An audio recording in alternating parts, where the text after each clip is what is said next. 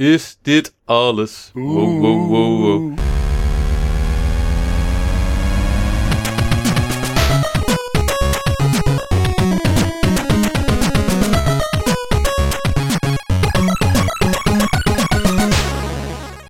Welkom bij Buttonbishers aflevering nummer 99b. Het tweede deel van het jaaroverzicht. Uh, het eerste deel uh, is enige tijd geleden al uitgekomen. Daarin hadden we een game talk. Uh, gingen we gewoon even terugkijken überhaupt op het jaar 2019. Of het nou met games te maken had of niet. Uh, maar ja, goed, zoals een jaaroverzicht betaamt, is, is er zoveel te vertellen dat we, dat we hem opgeknipt hebben in twee delen. Dus mocht je naar deze uitzending luisteren en je hebt de eerste niet gehoord, dan zou ik je zeker aanraden om dat eventjes te doen. Heb je die wel geluisterd, gaan we er niet te veel woorden meer aan vuil maken en gaan we gewoon beginnen met het tweede deel van het jaaroverzicht 2019.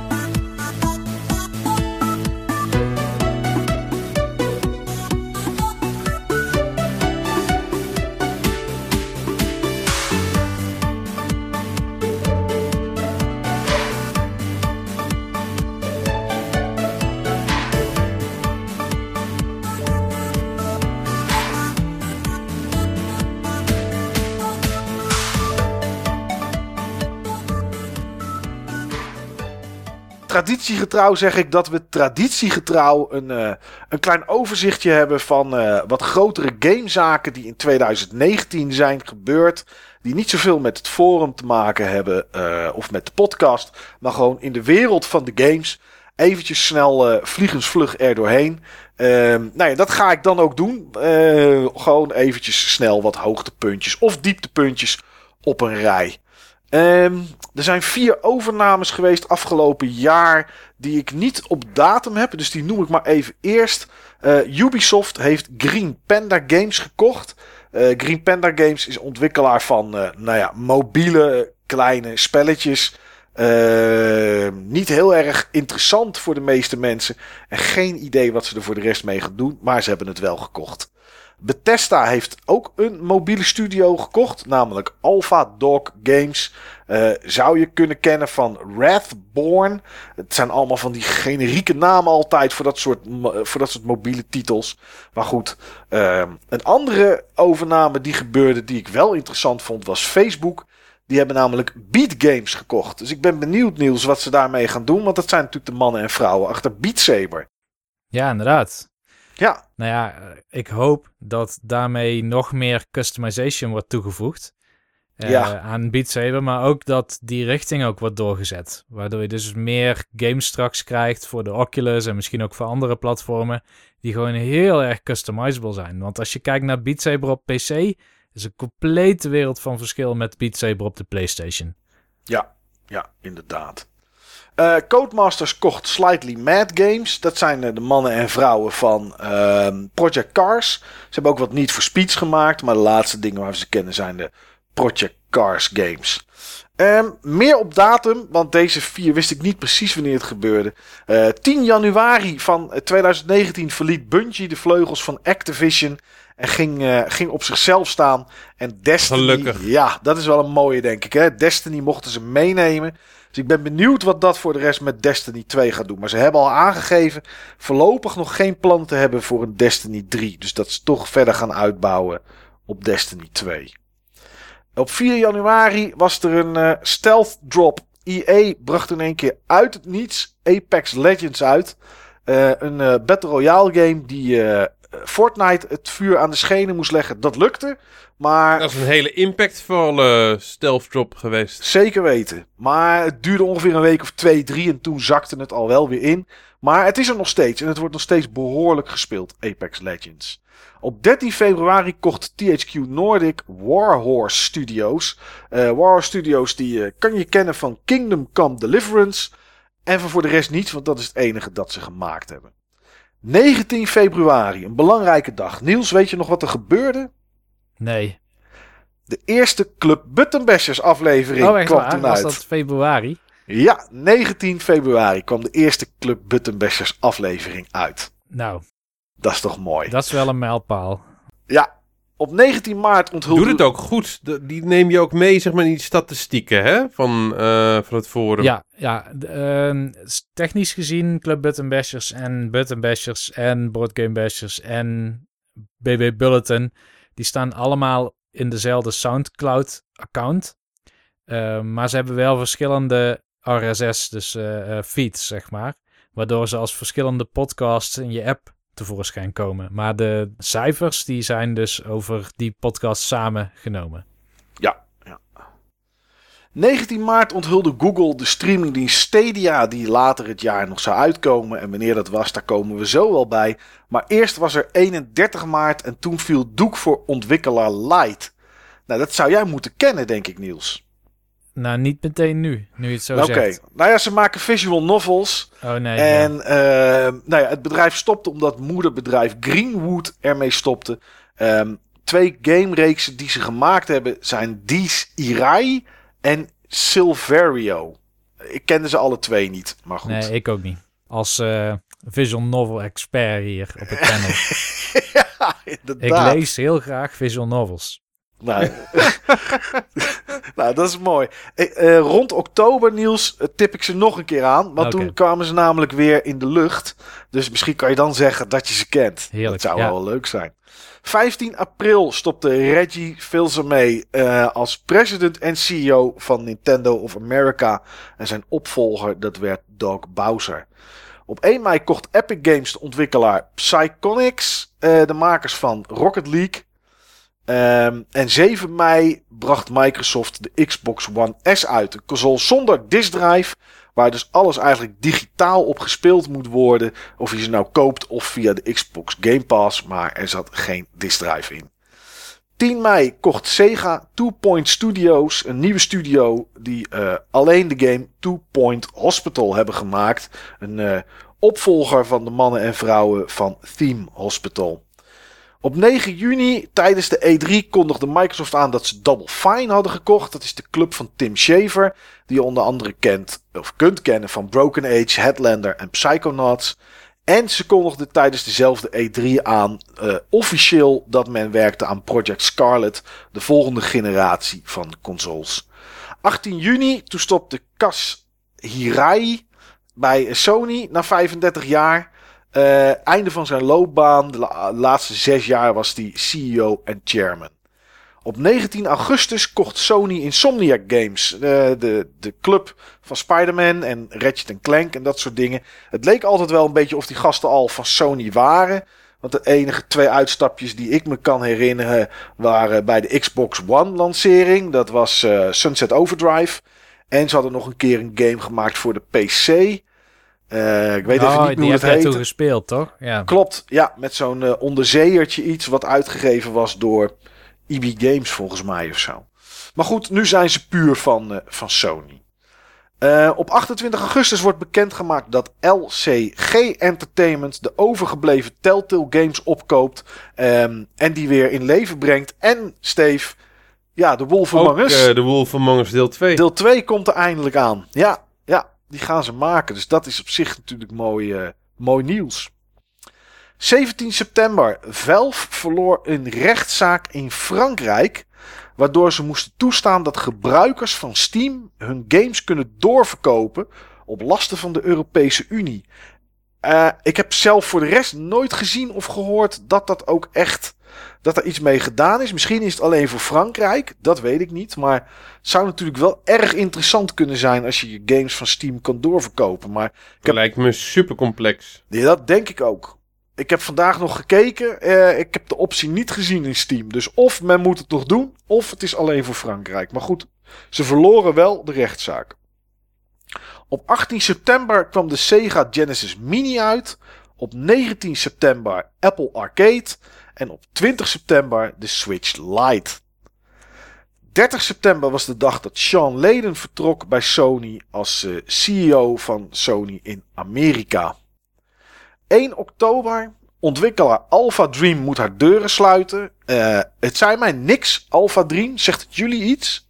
Jazeker, dat zijn de ja, mensen dat... van uh, Mario en Luigi. Ja, precies. Ja, dat wou ik ook zeggen. Ja, op DS en de 3DS. Uh, toen ik het las, dacht ik: oh ja, dat zijn deze, deze gasten. Uh, maar goed, 1 oktober moesten die hun deuren sluiten. 6 oktober begon de poep voor Blizzard met het Free Hong Kong verhaal. Uh, gaan het voor de rest maar niet over hebben. Maar uh, ja, goed. Uh, toen begonnen wel een hoop ellende. 25 oktober, ontwikkelaar Light. Ken jij die toevallig, Niels, of niet? Ja, dat is van die visual novels, toch? Klopt, inderdaad. Die kun je lezen, ja. Ja, ja oké. Okay. nou, die uh, openen hun deuren weer die ze op 31 maart moesten sluiten. Uh, onder, uh, onder de vleugels van Aris CO en Nexton. Twee bedrijven die ik niet ken, maar die uh, zijn weer tot leven geroepen om de Silverio games verder te ontwikkelen. 29 oktober was een historische dag voor gebruikers op Steam. Want EA besloot nadat ze daar in 2011 mee gestopt waren om hun games weer uit te geven op het platform van Valve. En het heeft ze geen windeieren gelegd, moet ik zeggen. 7 november. Sony Interactive Entertainment wijst Herm Herman Hulst aan als hoofd van Sony Interactive Entertainment Worldwide Studios. Uh, nou ja, deze Nederlandse kerel volgt daar dus Sean Leden mee op. Uh, Yoshida wordt het van Independent Development Unit. Ja, eigenlijk uh, indie relations, zeg maar. Ja, de man die de indie, uh, de indie games uh, moet binnentrekken, inderdaad, ja. 13 november, Human Head Studios sluit de deuren.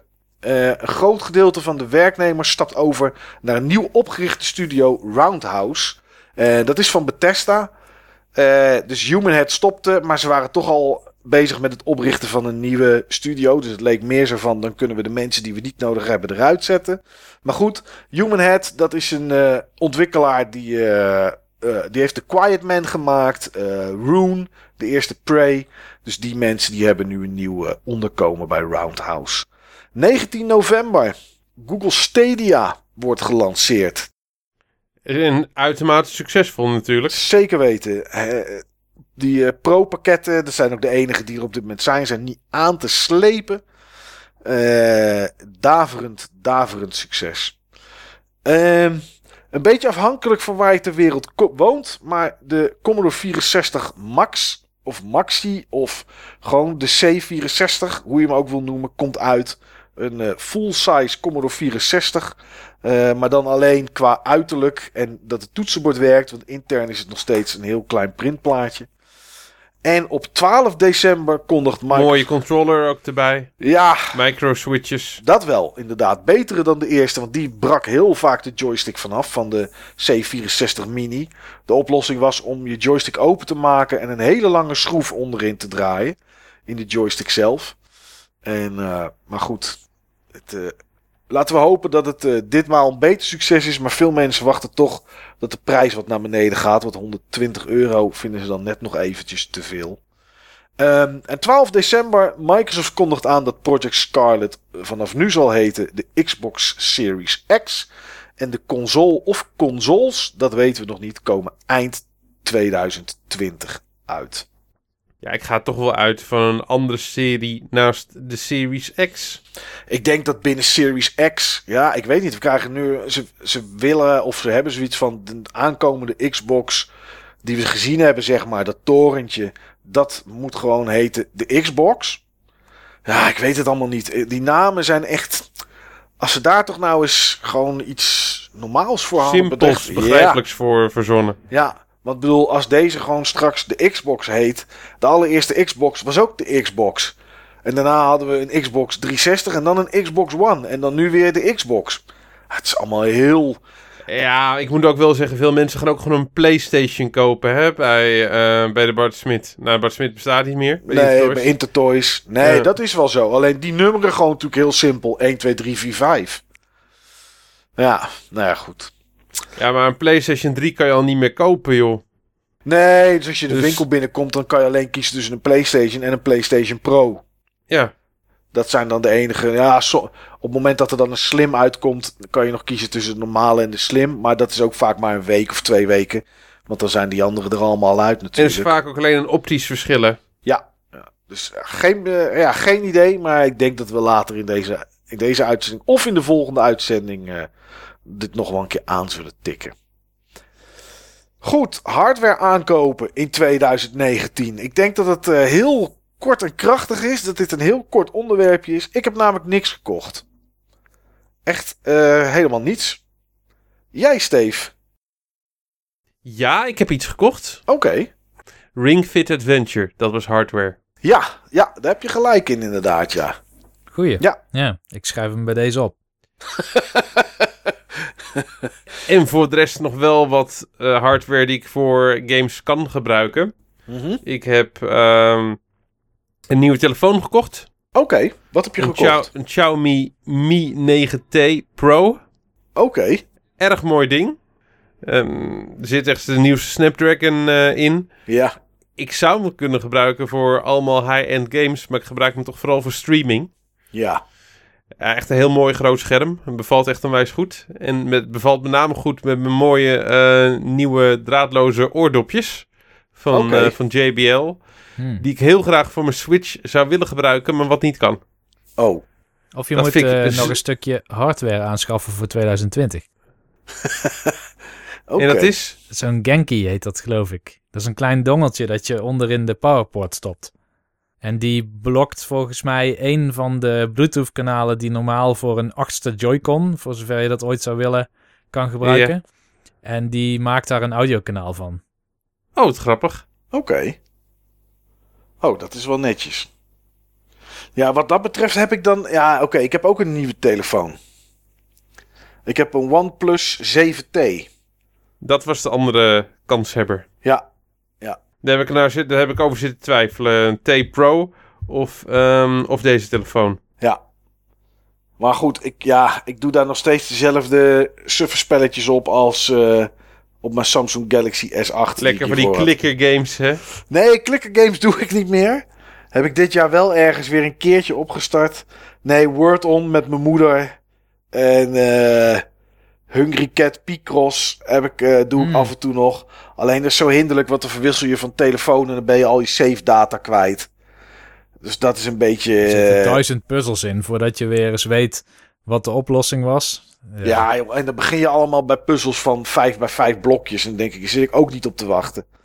Dus, uh, en Gardenscapes, moet ik heel eerlijk toegeven, speel ik uh, nog wel eens op mijn telefoon. Maar dat heb ik inderdaad wel. Ik heb dan wel een nieuwe telefoon. Uh, maar ja, weet je, dan ga je van de ene Android naar de andere Android-telefoon. Dan krijg je hetzelfde achtergrondje.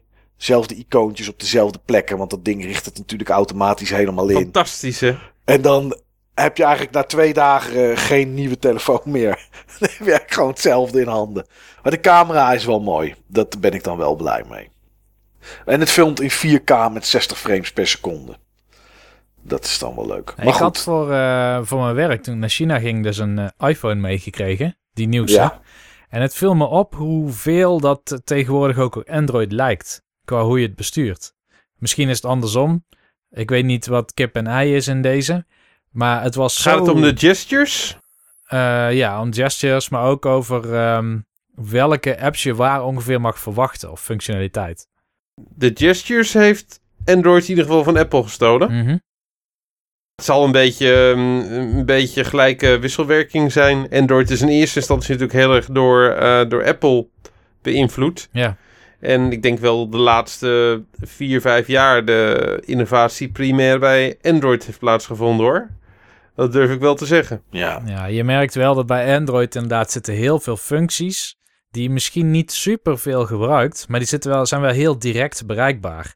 Moet je gewoon je gordijntje omlaag scrollen, misschien één keer naar rechts swipen. En bij Apple was ik wel soms in drie, vier menulagen aan het zoeken naar hoe zet ik dit aan. Ehm, ja. Dus, dus dat is wel apart, zeg maar. Dat, maar dat, dat is denk ik ook altijd de kracht geweest. Dat ze gewoon focussen op wat gebruiken mensen nou heel vaak en hoe maken we dit heel makkelijk toegankelijk. En waar hebben we liever dat mensen zich niet mee bezighouden, laten we dat dan maar iets dieper onder de menustructuur, zeg maar, verbergen. Ja, maar qua functionaliteit zit er dan ook wel een beetje hetzelfde in uiteindelijk wel? Ik heb al heel lang geen, geen Apple device meer in handen Praktisch gehad. hetzelfde, praktisch hetzelfde. Dus ik wilde bijvoorbeeld even een, eh, een zaklamp aanzetten. Nou, dat is dan op de Apple vind ik iets makkelijker geregeld. Ik kan gewoon zaklamp aan, zaklamp uit. Als ik mijn rolgordijn omlaag trek. En bij Apple heb je dan een slider. Waarin je dus harder of zachter kan zetten. Oh ja, oké. Maar die is ook direct bereikbaar met je duim. Ja, maar dat, ja, als ik nu, ik heb mijn telefoon hier, als ik gewoon, maakt niet uit waar ik zit, als ik maar ergens, al zit ik rechts onderin, met mijn duim een korte swipe naar beneden geeft, dan komen mijn notification balk en mijn icoontjes komen tevoorschijn. En dan tik ik en dan heb ik mijn zaklamp aan. Dus wat dat betreft gaat dat bij alle twee denk ik wel. Ja, eh, waarschijnlijk kun je, ik heb uh, ook maar een week met een iPhone uh, gezeten. Waarschijnlijk kun je dingen ook alweer customizen en zelf instellen. Ja, ongetwijfeld. Nou, ik kwam toevallig qua verschillen, daarom vroeg ik ernaar. Vandaag had ik mijn Xbox One na een hele lange tijd weer eens aan. En uh, toen kwam ik erachter hoe bizar makkelijk en goed dat OS tegenwoordig, in het begin was dat niet, maar tegenwoordig van Microsoft in elkaar zit voor de Xbox One. Als je kijkt naar die menus en hoe makkelijk en duidelijk en snel die reageren, ook als je een game open hebt staan, dat is op de PS4 helemaal niet zo. Maar zoiets, nou ja, ik zou niet weten waar je het ooit voor zou gebruiken, hè? maar je kan, en dat wist ik helemaal niet, je kan in de Xbox One kan je naar je controller setup gaan en dan kan je gewoon knoppen van functie verwisselen. Je kan gewoon als, uh, als je wil dat uh, A en B omgedraaid zijn, omdat je dat misschien gewend bent omdat je heel veel Switch zit te spelen en X en de Y omdraaien, dan kan je gewoon op je Xbox kan je gewoon met een standaard controller kan je die knoppen gewoon omdraaien. Ja, dat is fijn. Uh, je kan je linker en je rechterstick zou je eventueel kunnen swappen. Voor als je linkshandig bent en je vindt het makkelijker om met rechts te lopen en met links de camera te besturen. Dat zit er gewoon allemaal in. Er zitten dingen in dat je je bandbreedte bijvoorbeeld. Kijk, naar wij hebben daar in Nederland boeit ons niet zoveel. Maar je kan je bandbreedte zien per dag, per maand, hoeveel je gedownload hebt, uh, wanneer en wat. Uh, je kan ervoor kiezen om wel systeemupdates automatisch binnen te halen, maar niet voor games. Uh, ik ging eens kijken, dat vond ik echt een grappig iets bij de achievements van een game. Ik zat ehm, een, een, game te spelen, ik had twee of drie achievements gehaald. En toen dacht ik van, oké, eens even kijken hoeveel achievements er nog in zitten. Um, wat, wat er dan nog een beetje te doen is. En dan kan je dus die achievements kan je sorteren op uh, welke zijn er het meest gehaald door mensen. Dus welke zijn makkelijk of kom je altijd tegen. Uh, en welke zijn heel zeldzaam. Uh, dat zie je bij Sony ook. Alleen daar, zie, daar staan ze gewoon op een vast rijtje en dat is het. Maar je kon ze ook sorteren. En dat vond ik echt gaaf. Op closest. Op, op closest. Je kon de trofee sorteren op welke trofee ga je waarschijnlijk het eerste halen. En dan zag je dus, oké, als je chapter 3 uitspeelt, dan haal je deze trofee. Hmm. En je hebt nu uh, eh, 100 keer heb je dit gedaan. Je moet het nog vier keer doen en dan heb je die trofee. Dus die staat ook bovenaan. Want die, ja, weet je, daar ben je heel dichtbij om die te halen. Ik vond dat echt super gaaf. Uh, ik ging een game vergelijken met jou, Niels. Want ik zag dat jij deze maand meer, uh, dat zie je ook van je vrienden, hoeveel meer achievement points je hebt gehaald. Mhm. En toen zag ik dat jij, uh, je had 90 achievement points, meer gamerscore points gehaald deze maand dan ik. Toen ging ik kijken, toen zag ik dat jij bijvoorbeeld van Halo, de Master Chief Collection, had jij 45 gamer points en ik 30. En dan ging je kijken waar dat verschil zag. Dan zag je ook hoeveel uur jij gespeeld had, die game. Hoeveel uur ik die game gespeeld had. Hmm. Uh, hoeveel achievement. Je kon echt zoveel informatie eruit halen. Dat was echt gewoon super leuk om daar doorheen te gaan. Om dat te bekijken. Ja. En, en, toen dacht ik van. En ik moest daar nu net aan denken. Nu, we, nu het verschil had over Apple en Android. Uh, dan dacht ik van. Jezus, wat heeft Microsoft dit goed voor elkaar, joh. Ja, is echt, daar heeft Sony wel echt een inhaalslag te maken met dat OS. Ja. Ja, het heeft ook echt stilgestaan, is, is mijn indruk. Ja, sinds, nou ja, het ziet er nog steeds hetzelfde uit als toen de PlayStation 4 uitkwam. Maar ook als je nu, uh, zeker bij, uh, ik zit regelmatig Call of Duty Modern Warfare te spelen. Als ik dan iets wil doen in het systeemmenu, ja, is het niet te doen. Het reageert nergens meer op. En bij, uh, bij Microsoft houden ze daar toch blijkbaar een processor voor vrij. Of kunnen ze het heel goed ergens laten sluimeren in het geheugen en op één processortje laten draaien, zo of wat dan ook.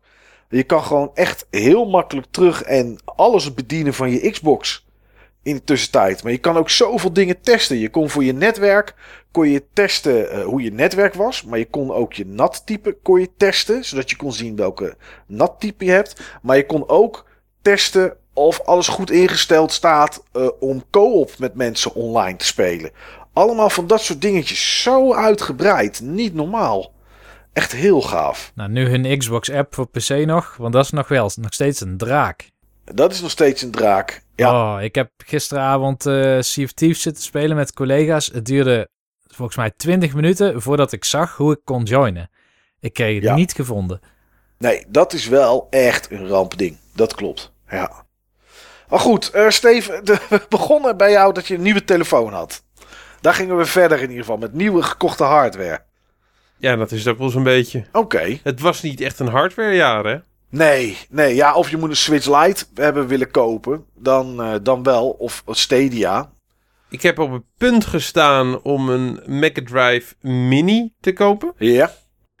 Maar ik had het gevoel tot de aanbieding die er was met Black Friday nog wel wat scherper kan. Mhm. Toen was die rond de 70 euro en hij is gereleased voor 80 euro. Ja. Nou, whoop doe. Ja, dat is niet echt een super aanbieding. Nee, en veel van die mini-consoles, ik heb het dan toch gewoon voor de heb. Ik, ik speel het gewoon niet echt, want ik speel liever dan op mijn CRT als ik dit type games ga spelen. Ja. Er staan wel een paar games op die ik echt wil spelen. Maar ik heb het anders opgelost. Ik heb voor 12 euro als ik überhaupt tot 12 euro voor heb betaald, volgens mij was het ook iets van 10 euro. Ja. Heb ik een 122 game multicard gekocht op AliExpress. Ja. En er staat echt zo'n beetje alles op. Wat ik zeg maar ehm, nog zou willen spelen op mijn Mega Drive en wat ik niet heb. Ja, ja, dan ben je er ook. Ja, en dan kan ik gewoon echt spelen op mijn, ehm, op mijn favoriete setup. Ja. En zoals het ook bedoeld is. Nou ja, inderdaad. Ik, uh, ik zat vandaag te denken van... Ik heb die SNES Mini heb ik toen gekocht. Die heb ik een keer aangesloten en heb ik drie of vier games eventjes op getest. Daarna heb ik hem een keer gemod, zodat hij ook een NES Mini was. Dus dat je gewoon in het menu kan, uh, kan wisselen tussen die twee. En toen heb ik de kabels losgetrokken en heb ik hem op zolder neergelegd. En hij ligt daar nog steeds op een stoel. Toen dacht ik vandaag... Je hebt er ook Super Metroid op gespeeld? Nee, die heb ik niet daarop gespeeld. Dus uh, die heb ik toen... Uh, want daardoor moest ik toen opnieuw beginnen... omdat mijn save game weg was met uh, allerlei geneuzel met Retro Arc. Dus dat heb ik niet eens daarop gespeeld. Dus ik, ik, en ik dacht er vandaag aan, niet omdat ik op zolder was... want dat ben ik elke dag wel even een keer... Uh, al is het maar om uh, iets uit de was te halen of zo, of weet ik veel wat. Maar en dan zie ik hem elke keer wel liggen.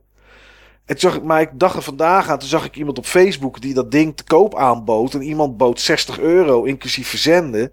En toen dacht ik, ja, moet ik dat ding van mij niet gewoon lekker verkopen? Ik heb hem niet eens aangesloten. Hij ligt maar te liggen boven. Nou, hetzelfde een beetje wat jij, had, jij hebt, hebt had, Steve, toen met, je, met die PS4-games waar je het over had. Dat je het ziet liggen en dat je denkt, ja, ik ben er wel, hè, normaal gesproken ben ik er wel blij mee. Maar vandaag is het van, ja, waarom heb ik dit ding hier nog liggen? En hij lag naast mijn Steam Link. Dat was ook een mooie aankoop. Oh ja. Nou ja, maar dat is helemaal een topding natuurlijk. Daar heb je geen beeld aan gestoten, hè? Nee, dat was 17 euro. Uh, inclusief een game. Dus uh, dat is voor de rest allemaal niet heel erg. Maar goed, je hebt hem uiteindelijk dus niet gekocht, uh, Steve. De Genesis of de Mega Drive Mini. Nee. Nee. heb jij hardware? Ja, ja jij, jij hebt hardware gekocht dit jaar, Niels. Zo moet ik het zeggen. Ik heb hardware gekocht, ja. Ja. Ehm, en Steve herinnerde me net aan dat Ring Fit Adventure ook hardware is. Dus die hebben we dan alvast. Ja. Maar het begon dit jaar heel erg goed. Met denk ik mijn favoriete hardware aankoop. Dat was de Surface Pro de, van Microsoft. De Surface Pro 6. Oh ja, die heb je ook nog gekocht, ja. Ja, ik heb zelfs bijna um, een maand geleden de nieuwste Surface Pro ook nog gekocht. Ik had hem al in mijn mandje liggen. Ja. Ehm, en de enige reden dat ik dat niet heb gedaan is omdat ik dacht van ja, ik kon wel van mijn oude Surface Pro af. Dat was wel een koper voor. Die zei eh, ook waarvoor hij hem wilde overnemen. En dan was de vraag, wil ik voor 200 euro nu al overgaan met als enige echte voordeel dat ik hem met USB-C kan opladen. Dat was ook wel het belangrijkst voor mij, want dan heb ik nog maar één oplader nodig voor alles wat ik zo'n beetje meeneem. Ja. Maar ehm, ja, ik, ik vond dat een te magere reden eigenlijk. Dus ik dacht, ik wacht wel. Voor de, eh, ja, de processor en memory en zo, dat was allemaal geen, eh, dat was allemaal hetzelfde een beetje gebleven. Ja, hetzelfde, een beetje hetzelfde als hoe bijvoorbeeld die nieuwe Switch, dat je dan meer uren kan draaien op dezelfde performance. Ja, oké. Ja. Ja, ja, één oplader minder meenemen inderdaad. Dan heb je er één bij je voor je telefoon, voor de Switch en voor je, en voor je Surface Pro. Ja, maar ik Ja, moest ook ik- eerlijk zijn, degene die mijn Surface Pro wilde overkopen, ik zei ja, weet je, je kan voor dit bedrag de nieuwste kopen of voor een vergelijkbaar bedrag, als waar ik de mijne tweedehands voor zou geven, zou je met een Black Friday deal waarschijnlijk hem gewoon nieuw kunnen kopen. Ja. Dus ja, dat was ook een reden voor mij om het niet te doen. Ehm, en ja, ik moet ook wel zeggen, ik heb een rare. Ja, er zitten waar bepaalde witte spots, zeg maar, in het beeldscherm. Het schijnt een bekender probleem te zijn bij de versie die ik heb. Dus Hmm, ik wil hem ook gewoon een keer naar Microsoft sturen, dat ze dat fixen. Want het is gewoon Ja. jammer. Want ze, ze boosten over een, eh, een, ja, wat misschien wel het beste eh, scherm in tabletvorm tot nu toe is. Maar ja, als je dan elke keer wat lichtere stukken erin ziet, dan weet ik niet. of Zonde dat je daar wel echt dan, ja precies, daar haal je het er niet uit hè. Nee, nee, inderdaad. Maar eh, later dit jaar eh, heb ik toch nog een, eh, een console weer gekocht. Wat ik eigenlijk Ja. niet had gedacht dat ik nog zou gaan doen. Het was namelijk, ik heb weer een PlayStation 4 Pro. Die kon ik voor 150 euro overnemen. Dat is geen geld. En dat was ook de reden dat ik dat deed. Eh, dan kon ik toch weer wat games spelen die ik nog had liggen. Eh, kon ik toch PlayStation VR ook weer aansluiten. Dat was misschien wel de grootste reden om, eh, om, om het te doen. Aan de andere kant heb ik overwogen om te wachten tot de PlayStation 5. Maar ja, dat is dan weer een, een aankoop die vele malen duurder is. Dat is geen 150 euro. Is geen 150 Nee. euro. Ik verwacht eigenlijk dat er bij de launch eigenlijk niks is wat je niet ook gewoon op je PS4 kan spelen. Eh, waar je eigenlijk niks aan mist, zeg maar, als je die op je PlayStation 4 speelt. Dus ehm, ja, ik dacht ook van, weet je wat, ik, ik stel dan ook gewoon de volgende consoles wat uit tot de kop eraf is, dat ze iets goedkoper zijn of er een beter model uit is. En dan, eh, dan trek ik hem nog heel even door in deze generatie. En het beviel op zich wel goed, zeg maar. De positieve dingen zijn... Nee, er zijn eigenlijk geen positieve dingen. Hij, Want waarom, waarom had je geen PlayStation meer? de vorige was kapot gegaan. En eh, toen heb ik heel erg getwijfeld of dat ik dus meteen een nieuwe ging halen. En toen was er een Black Friday deal, maar toen ik over begon, toen eh, bood iemand er alleen aan, want die was eigenlijk helemaal eh, naar de Xbox One X met Game Pass. Die heeft eigenlijk sinds God of War geen game meer gespeeld op de PlayStation. Dus die zei ook van ja, als de vijver komt en die interesseert me weer, dan ga ik er wel weer naar kijken. Maar voorlopig verwachtte die niks te doen. Eh, Ik denk wel dat het vroeg is, hè, want er komt nog eh The Last of Us 2 en Ghost of Tsushima volgend jaar. Ja. Dus ja, wie weet eh, krijgt hij wel spijt, maar eh, ja, Jij hebt hem nu. nu heb ik Ja. hem inderdaad. Ik kan die van je huren voor 25 euro per week. Ja, maar wat, eh, wat wel twee nadelen waren waar ik snel achter kwam is... A, het installeren duurt bizar lang. Echt niet normaal zo lang. Dus dan heb je factory reset die je dan doet. En dan, dan gaat hij het OS opnieuw installeren. En dan vervolgens dan denk je dat je helemaal naar de nieuwste versie gaat. Maar dan stop je er een game in. En die game die moet weer een patch downloaden. Maar voor die patch heeft hij weer een andere firmware update nodig. Dus die gaat hij dan eerst weer installeren. Nou, ik denk dat ik wel acht keer dat ding opnieuw heb moeten laten starten. 2,5 uur later kon ik eindelijk een game opstarten. En toen bleek de R2 van mijn controller het niet meer te doen. Dus toen- Jezus. en en eh, ik heb denk ik geluk gehad met mijn vorige PlayStation 4, ondanks dat die kapot is. Ehm, want die was een stuk stiller. Deze, die komt overal bovenuit. Wat je ook, uh, hoe hard ik het geluid ook zet, ik blijf de console horen. En dat is wel een beetje Ja, dit was waarschijnlijk een eerste model uh, PS4 Pro. Ja, maar dat was de mijne toen ook. Dat was ook een eerste. Dan heb je, dan heb je geluk gehad. Heb ik geluk gehad, ja. Ja. Maar goed, uh, hij werkt nu. Dingen staan erop. Ik kan weer alles spelen. Um, ik had geen cloud saves. Dus dat is wel jammer. Oh, dat is wel zonde. Ja, je hebt natuurlijk geen PS Plus. Nee. Nee. Nee, inderdaad. Maar ja. Hey, uh, Beat Saber, uh, ik speel met plezier alles weer opnieuw helemaal door. Er ja. valt niet echt iets te unlocken. Dus uh, dat komt wel goed. En de enige andere game waar ik in onderweg was, was Yakuza Kiwami. Ja, ik denk dat ik die oversla. Die vond ik niet zo leuk. Dat snap ik dan wel. Ik heb trouwens nog een stukje hardware uh, gekocht. Weer een nieuwe PlayStation controller. Omdat die kringen altijd verrot gaan. Nou, ik heb ook wel, moet ik zeggen, dat mijn, uh, van mijn PlayStation controller de rechter analoge stick, die drift soms een beetje. En dat is in first-person games is dat zeer irritant als de camera in één keer uit zichzelf uh, de andere kant op gaat. Daar had ik voorheen nooit zoveel last van eigenlijk. We moeten eens kijken hoe dat op te lossen is. Ik heb nog nooit last, last gehad van drift op een uh, PlayStation uh, stick. Ja, hij komt wel gewoon terug naar de center. Dus het is niet dat hij blijft hangen. Maar uh, hij denkt, de controller denkt nog van wel. Ja, dat heb ik met mijn Xbox controller. Ah, super hinderlijk is dat, hè? Ja. En, dan, en dan, dan geef ik er een tikje tegen en dan stopt het. En met de meeste games, net zoals bij die uh, Yuko's, Yoku's, Island Express, heb ik er nul last van. Want dan gebruik je die hele stick niet. Uh, maar met Call of Duty of zo is het wel hinderlijk. Uh... Dit is volgens mij ook dat uh, Joy-Con drift problem waar je zoveel over las op internet. Maar dan voor de PlayStation en Xbox controllers. Ja. Meestal zijn ze gewoon vies van binnen. Klopt. Ik volg tegenwoordig een, een kanaal. Ik weet even niet hoe het heet op YouTube. Maar ik vind het rete interessant om te, om te bekijken. En dat is een gast die heeft een bedrijfje waar die console reparaties in doet. En die uh, repareert ook consoles dan op YouTube. En dan koopt hij bijvoorbeeld uh, 20 defecte switches. En dan gaat hij ze allemaal ja, testen. kijk ik ook. Ja? Ja, Be en dan... Uh, Een beetje dan ingevallen hij, bek heeft die kerel. Dus Ja. dat ziet er een beetje smoezelig uit.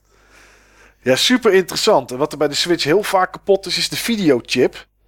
En dan gaat hij hem eraf solderen met zo'n... Ja, eh, en de connector uh, beneden. Ja, de connector inderdaad. En dan, uh, dan gaat hij ze repareren. En laatst had hij dus ook een, een, een driftende stick van een, van een, van een Joy-Con. En dan had hij hem ook een keer open. Dus dan zie je ook hoe dat dan werkt, zeg maar. Hoe dat dan intern werkt. En nou, daar had hij, uh, er zat een heel klein stukje vel in. Echt een heel pietlutterig stukje vel. En daardoor kwam het dat hij, uh, dat hij, bleef, dat hij bleef driften. Dus misschien dat ik, dat ik daar toch eens een keertje... En daardoor kwam ik vandaag eigenlijk in de Xbox One menu... ehm, om een... Want dat heeft PlayStation ook niet. Ehm, ik zat een game te spelen en die zei... Druk de linker, linker stick in om de objective te zien. En ik druk hem in en er gebeurt gewoon niks. Ik denk, misschien is het klikken van mijn linker stick is kapot. En toen uh, was ik op zoek in het menu. En maar Sony heeft het niet, want daar heb ik laatst ook zitten kijken. Maar Microsoft wel. Een optie om gewoon je knoppen te testen. De Switch heeft het ook. Uh, en dan kan je gewoon knoppen indrukken om te zien wat het doet en wat niet. En toen zag ik dat die niet kapot was. Dus blijkbaar zit dat in die game gewoon een beetje kniftig. Maar... Uh, ja, ik weet niet. Daar moet ik wel even een keer naar kijken. Of ik heb nog wel een andere controller liggen. Andere PS4 controller. Want ik heb er twee. Alleen daar is de rumble. Is, uh, dat motortje is niet zo verfijnd als die ik nu heb. Dat is het net zo'n. Als je wel eens naar de tandarts gaat. En ze hebben zo'n boor die. Dat hele hoge. Maar je hebt ook die wat lagere. Dat is een beetje de. Uh, het motortje van de controller van. Uh, van die andere PS4 controller. Dus die vind ik iets minder prettig. Maar goed. Nou, dat waren onze hardware aankopen voor 2019. Valt me nog mee voor een jaar waarin uh, misschien niet zo heel veel boeiends is uitgekomen. Uh, we gaan even een kleine break nemen. En na de break komen we terug met games uit de backlog die we gespeeld hebben in 2019.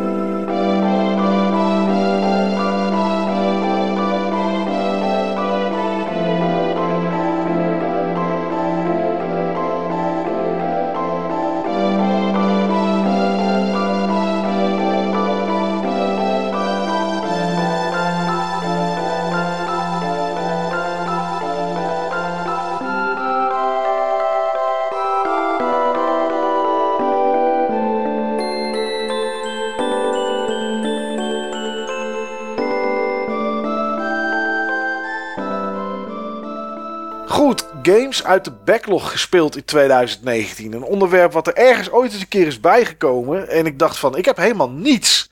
Dacht ik, want ik heb, ja, ik zou niet weten wat ik dit jaar gespeeld heb dat in mijn backlog stond. Toen ging ik eens even iets kritischer kijken. En toen kwam ik drie games tegen. En die drie games heb jij ook allemaal gespeeld, Niels.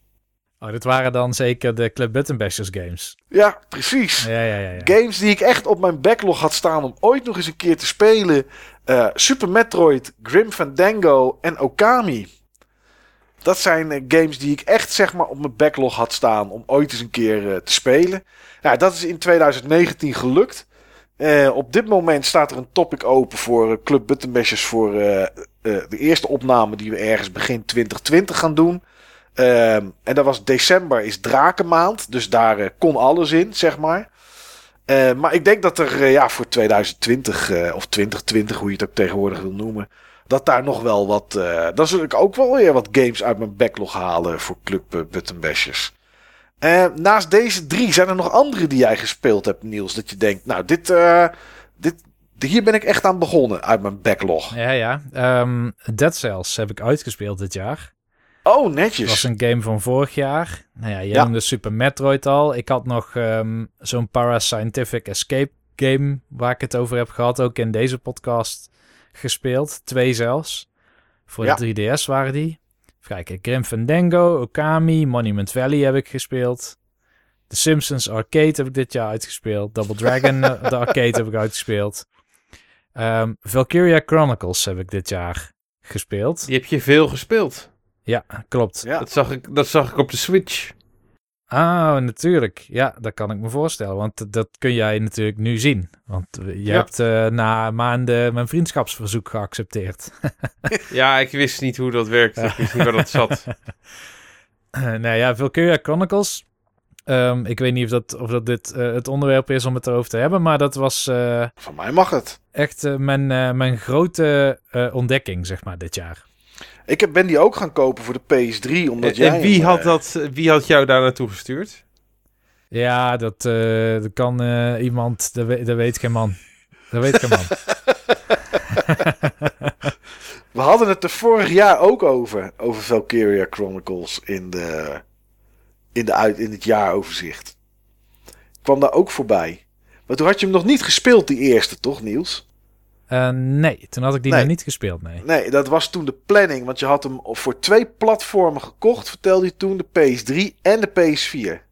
Inmiddels heeft hij hem voor drie platformen gekocht. Ja. Ja, dus, eh, maar die heb ik inderdaad wel gekocht ook. Omdat Ah, jij het man. gespeeld had. Die is zo gaaf. Ja. Dus dat Ik is een hoop- meevaller. Ik hoop deze vakantie nog een keer de PS3 aan te slingeren. En daarna denk ik uit de huiskamer te verwijderen. En, eh, en naar zolder te brengen. Ondanks dat het daar alleen staat. Maar ja, goed. Dat ding staat echt nooit aan. Maar misschien voor eh Valkyria Chronicles. Dan heb ik eh, Half-Life 2 eh, uitgespeeld natuurlijk. Oh, die had ik ook niet op mijn lijstje staan. Ja, die wordt er ook bij inderdaad. Een game waar ik het volgens mij niet over in de podcast over heb gehad, maar die ik in Zuid-Korea heb uitgespeeld, was Dragon Quest 1. Oh nee, heb je het niet over gehad inderdaad. Op de Switch, denk ik, hè? Nee, op mobile.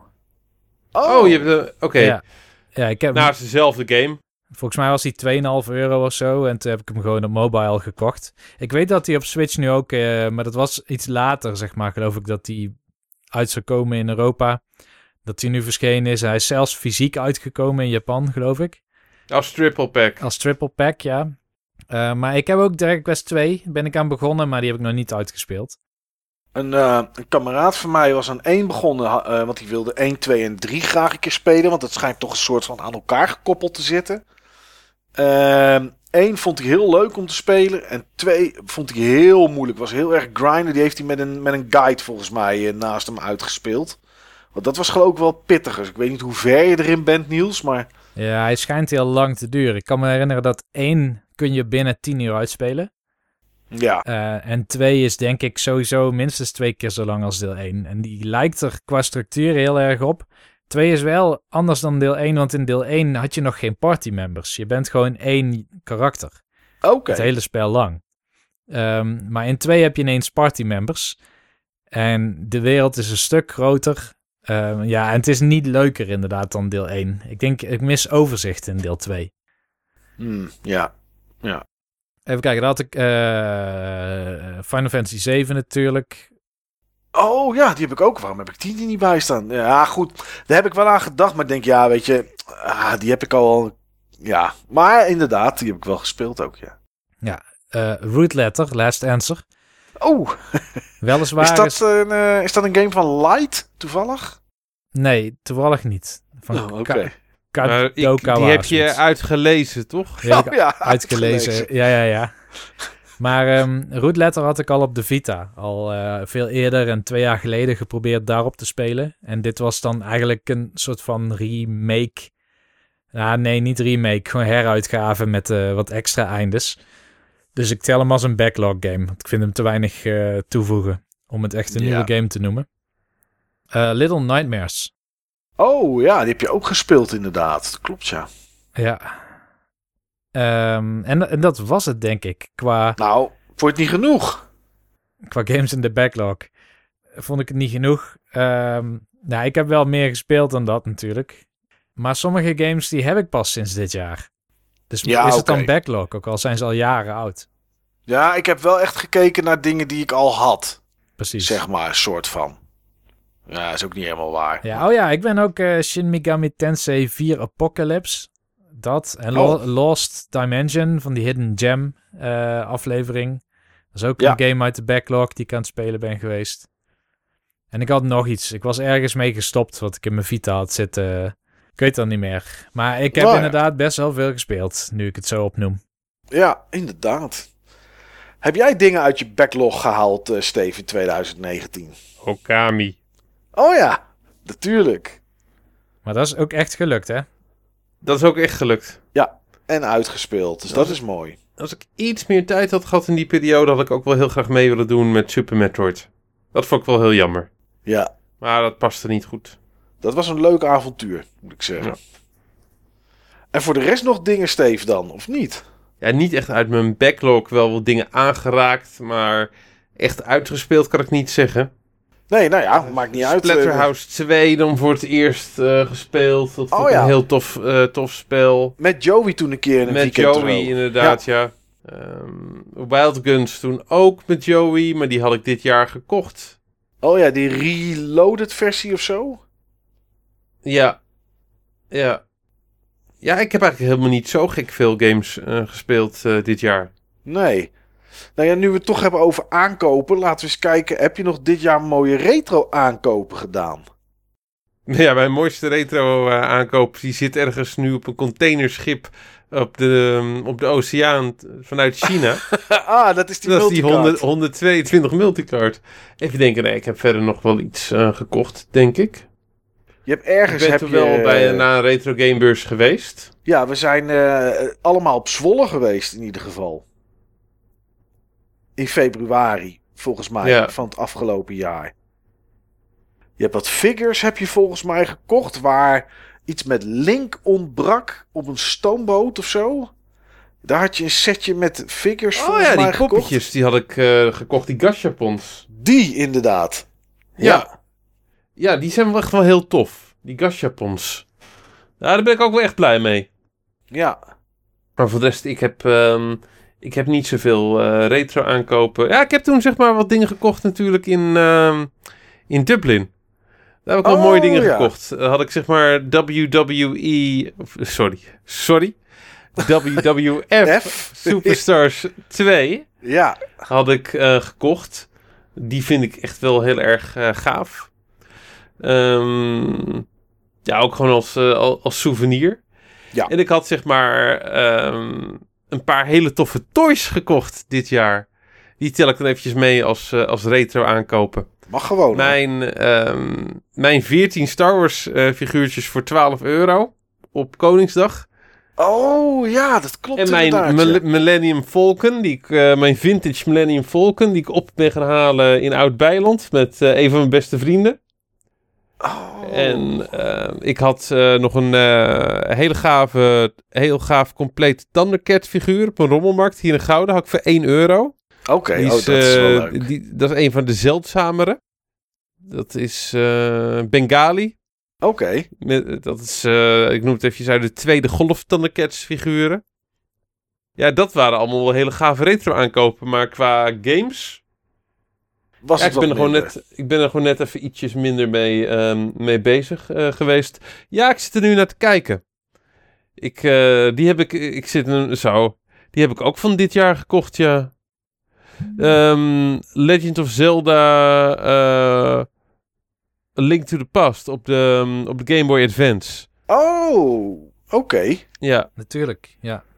Ja, ja. En ik heb nog, uh, ik heb ook zeg maar die ontbrekende Seasons game gekocht. Alleen, uh, ja, Legend of Zelda Link to the Past, mijn favoriete spel ooit. Ja. En in deze versie had ik nog niet. Oké. Okay. Dus, ja, dat is wel echt een hele goede, goede aankoop. Die heb ik ook uh, mooi uitgestald. Dus nee, dat, die is het. Nou, dan heb je toch best wel wat leuke dingen gekocht. Ja, ik heb wel wat leuke dingen gekocht. Ja. Maar weet je, ik, ik ben er gewoon iets minder actief mee bezig. Ik ben er gewoon een stuk minder actief mee bezig. En het is allemaal moeilijker te krijgen. Het is allemaal een stuk duurder. Ja. Ja. Nee, dat is ook zo. Dat is ook zo. Um, nou, Niels, normaal zou ik jou vragen, maar ik ga gewoon eens even weer een keertje, een keertje zelf. Uh, dat vind ik een heel goed plan. Ja, dat is mooi. Kan ik even opzoeken wat ik heb gekocht? Ja, ik heb, uh, ik niet, ik heb niet hele bijzondere uitschieters of zo. Maar ik ben wel dit jaar, uh, het afgelopen jaar, dit jaar is dat nog steeds op dit moment, naar drie beurzen geweest. Um, en dat wil ik ook wel eigenlijk aanhouden voor volgend jaar. Dat ik er wel in ieder geval naar drie ga. Ik was naar Zwolle geweest. Ik ben in, uh, voor het eerst, nou ja, voor het eerst ook in Zwolle geweest en in Tilburg. En ik ben in Hengelo geweest uh, bij die beurs die hier, die hier was. Maar als ik kijk naar wat ik op beurzen gekocht heb, dan is dat eigenlijk alle drie wel drie aankopen die ik gedaan heb in Zwolle. Die ik eigenlijk wel heel erg tof vond.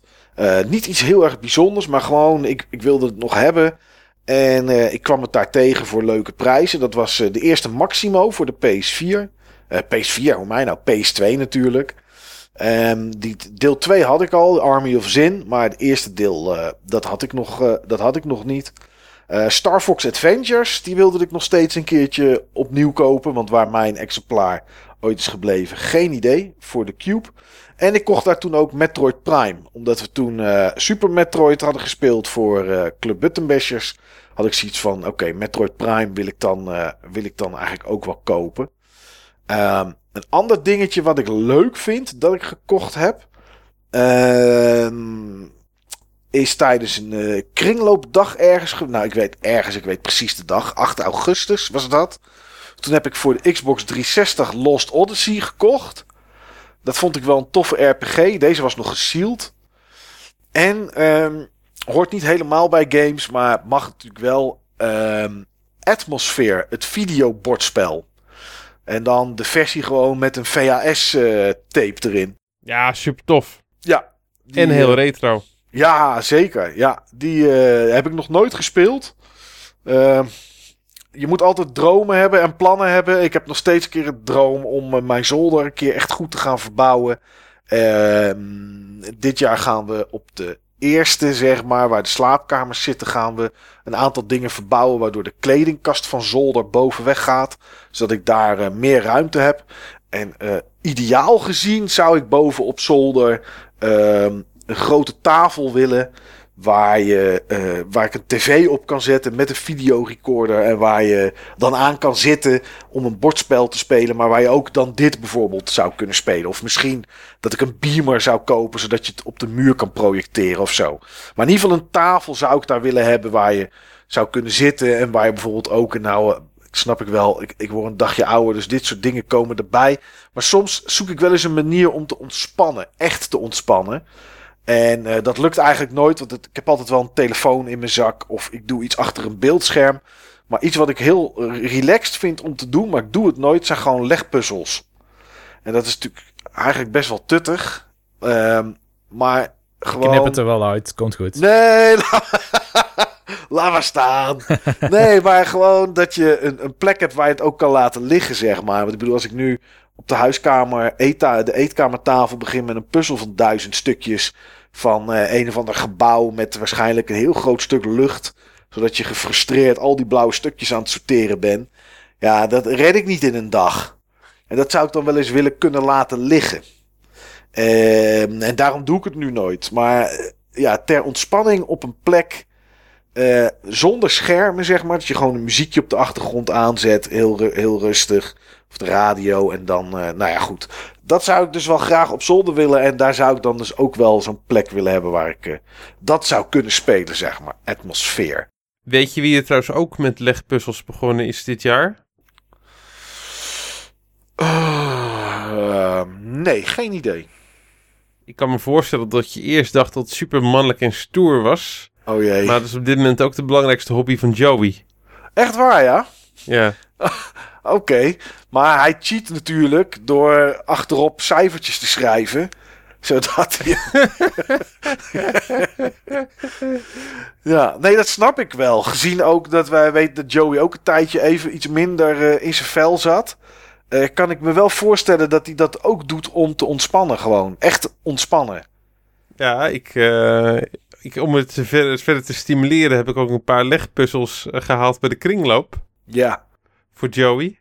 Voor een paar van Happekrats. En dan heb ik vervolgens uh, bij allebei wat stukjes uitgehaald en ze dan aan hem gegeven. Heerlijk. Ja, dat is wel.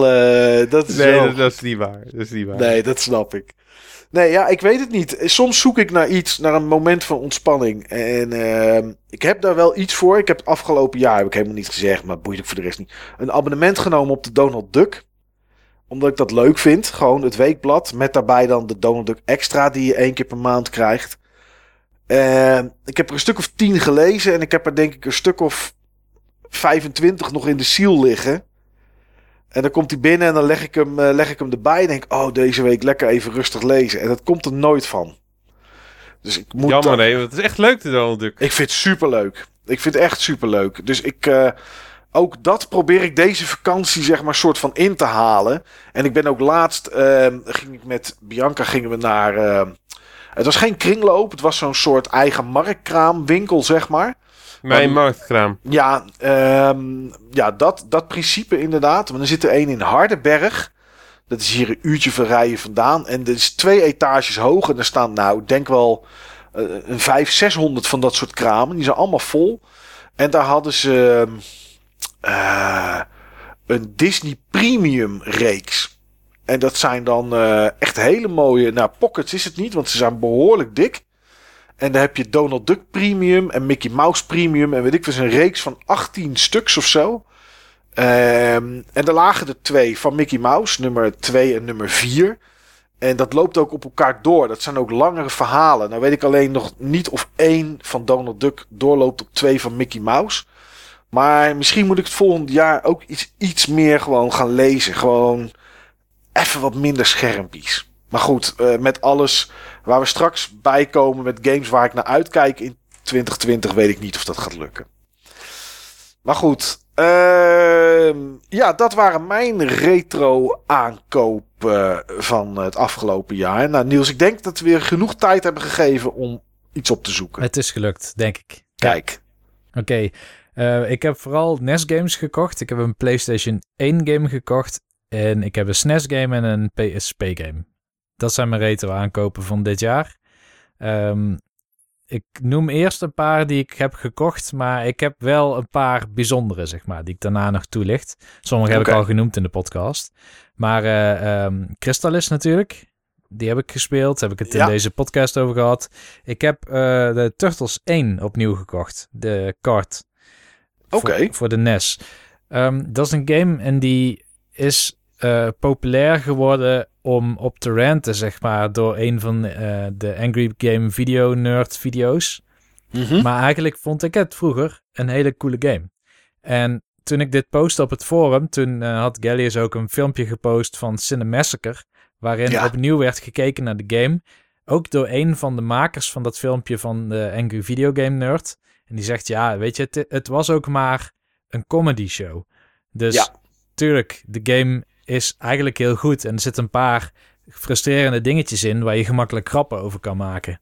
Maar, ja, um, precies. Maar zo heb ik altijd eigenlijk wel naar de Angry Video Game Nerd gekeken. Want in, als een soort parodieus comedy show. Want er was eigenlijk helemaal niks goed aan al die games niet die Nee. ze daar eh, bekeken. Nee, plus hij kon Dat bijvoorbeeld... is altijd S, S. Ja. Maar één ding wat me ook opviel. Ik heb gewoon de game Top Gun ooit gekocht omdat hij er zo slecht in was. En eh, Ja. hij laat dan zien dat je eigenlijk altijd neerstort omdat het veel te verwarrend is hoe je dan op zo'n vliegdekschip landt. Want dan staat er up, down, up, up, down, up, down, up, up, down, up, up. En de eerste keer dat ik het speelde, landde ik meteen perfect. Tweede keer weer, zeg maar. Dus het, het is een beetje aangedikt, zullen we maar zeggen. Maar ja, goed, precies. Turtles. Metroid, de eerste Metroid, die had ik nog niet. Oké.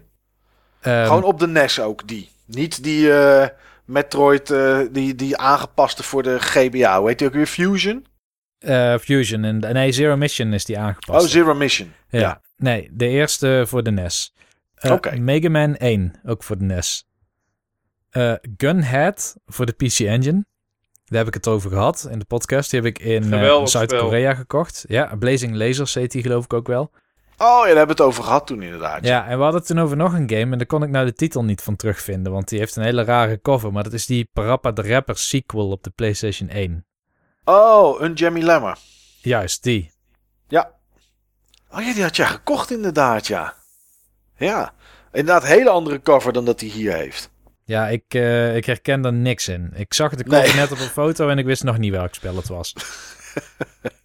Ja, snap ik. Maar goed, er waren drie games die er heel erg bovenuit sprongen dit jaar. En het is echt een kwaliteit boven kwantiteit jaar voor mij geweest. Eh, ik heb ook games gekocht die ik nooit had verwacht te gaan kopen. Ehm een daarvan heb ik het in het begin al over gehad, volgens mij in februari. Dat was, eh, die heb ik namelijk in eh, Zwolle gekocht. Dat was Voor Soul 100 Blazer. Ja, 30 euro. voor 130 euro inderdaad. Dat was Ja. een behoorlijke aanschaf. Ik heb mijn huiswerk wel gedaan, zeg, deze ronde. Potverdorie. Ik merk het. En- Ja. Ik moet hem nog wel spelen trouwens, Soul Blazer. ja, dat geeft niet. Maar anders hadden we hem net gehoord bij je backlog. Eh, nee, want ik heb hem dit jaar. Oh, je hebt dit graag gekocht. Ja, dat is ook zo, ja. Oké, het, eh, de- maar ik heb dus het hele jaar de veronderstelling gehad dat Soul Blazer mijn topgame zou zijn. De game die ik in het jaaroverzicht zou noemen. Ja. Maar toen kocht ik ehm, een paar weken geleden Valkyria Chronicles 2 op de PSP. Oh, dat weet ik. Dat heb ik gezien. Netjes. Die had ik ook gezien. topic. Ja, ja, Ja. ja. Want Valkyria Chronicles heb ik zojuist ook gehighlight als eigenlijk mijn favoriete backlog game dit jaar. Ja. Nou, ik, toen ik die game had gespeeld, dacht ik, ik wil alles hebben van Valkyria Chronicles. Welke game het dan ook is. En je hebt dus deel 2 op de PSP, die is ook hier uitgekomen. En dan heb je deel 3, die is nooit gelokaliseerd helaas. Dan heb je deel 4, die heb ik ook. Dat is de nieuwste, die lijkt heel veel op 1. Die is heel goed. Eh, en dan heb je eh Valkyria Chronicles Revolution op de PlayStation 4, maar die valt heel erg tegen en is bovendien een ander genre. Het is meer een soort eh, hack and slash. Moet je meer een soort Warriors game bij voorstellen, zeg maar. Maar ehm, dat was ook niet mijn beste aankoop dit jaar. Oké. Nee, want ehm, ik denk dat het nu anderhalve week geleden is. Toen belde Nesrunner mij op.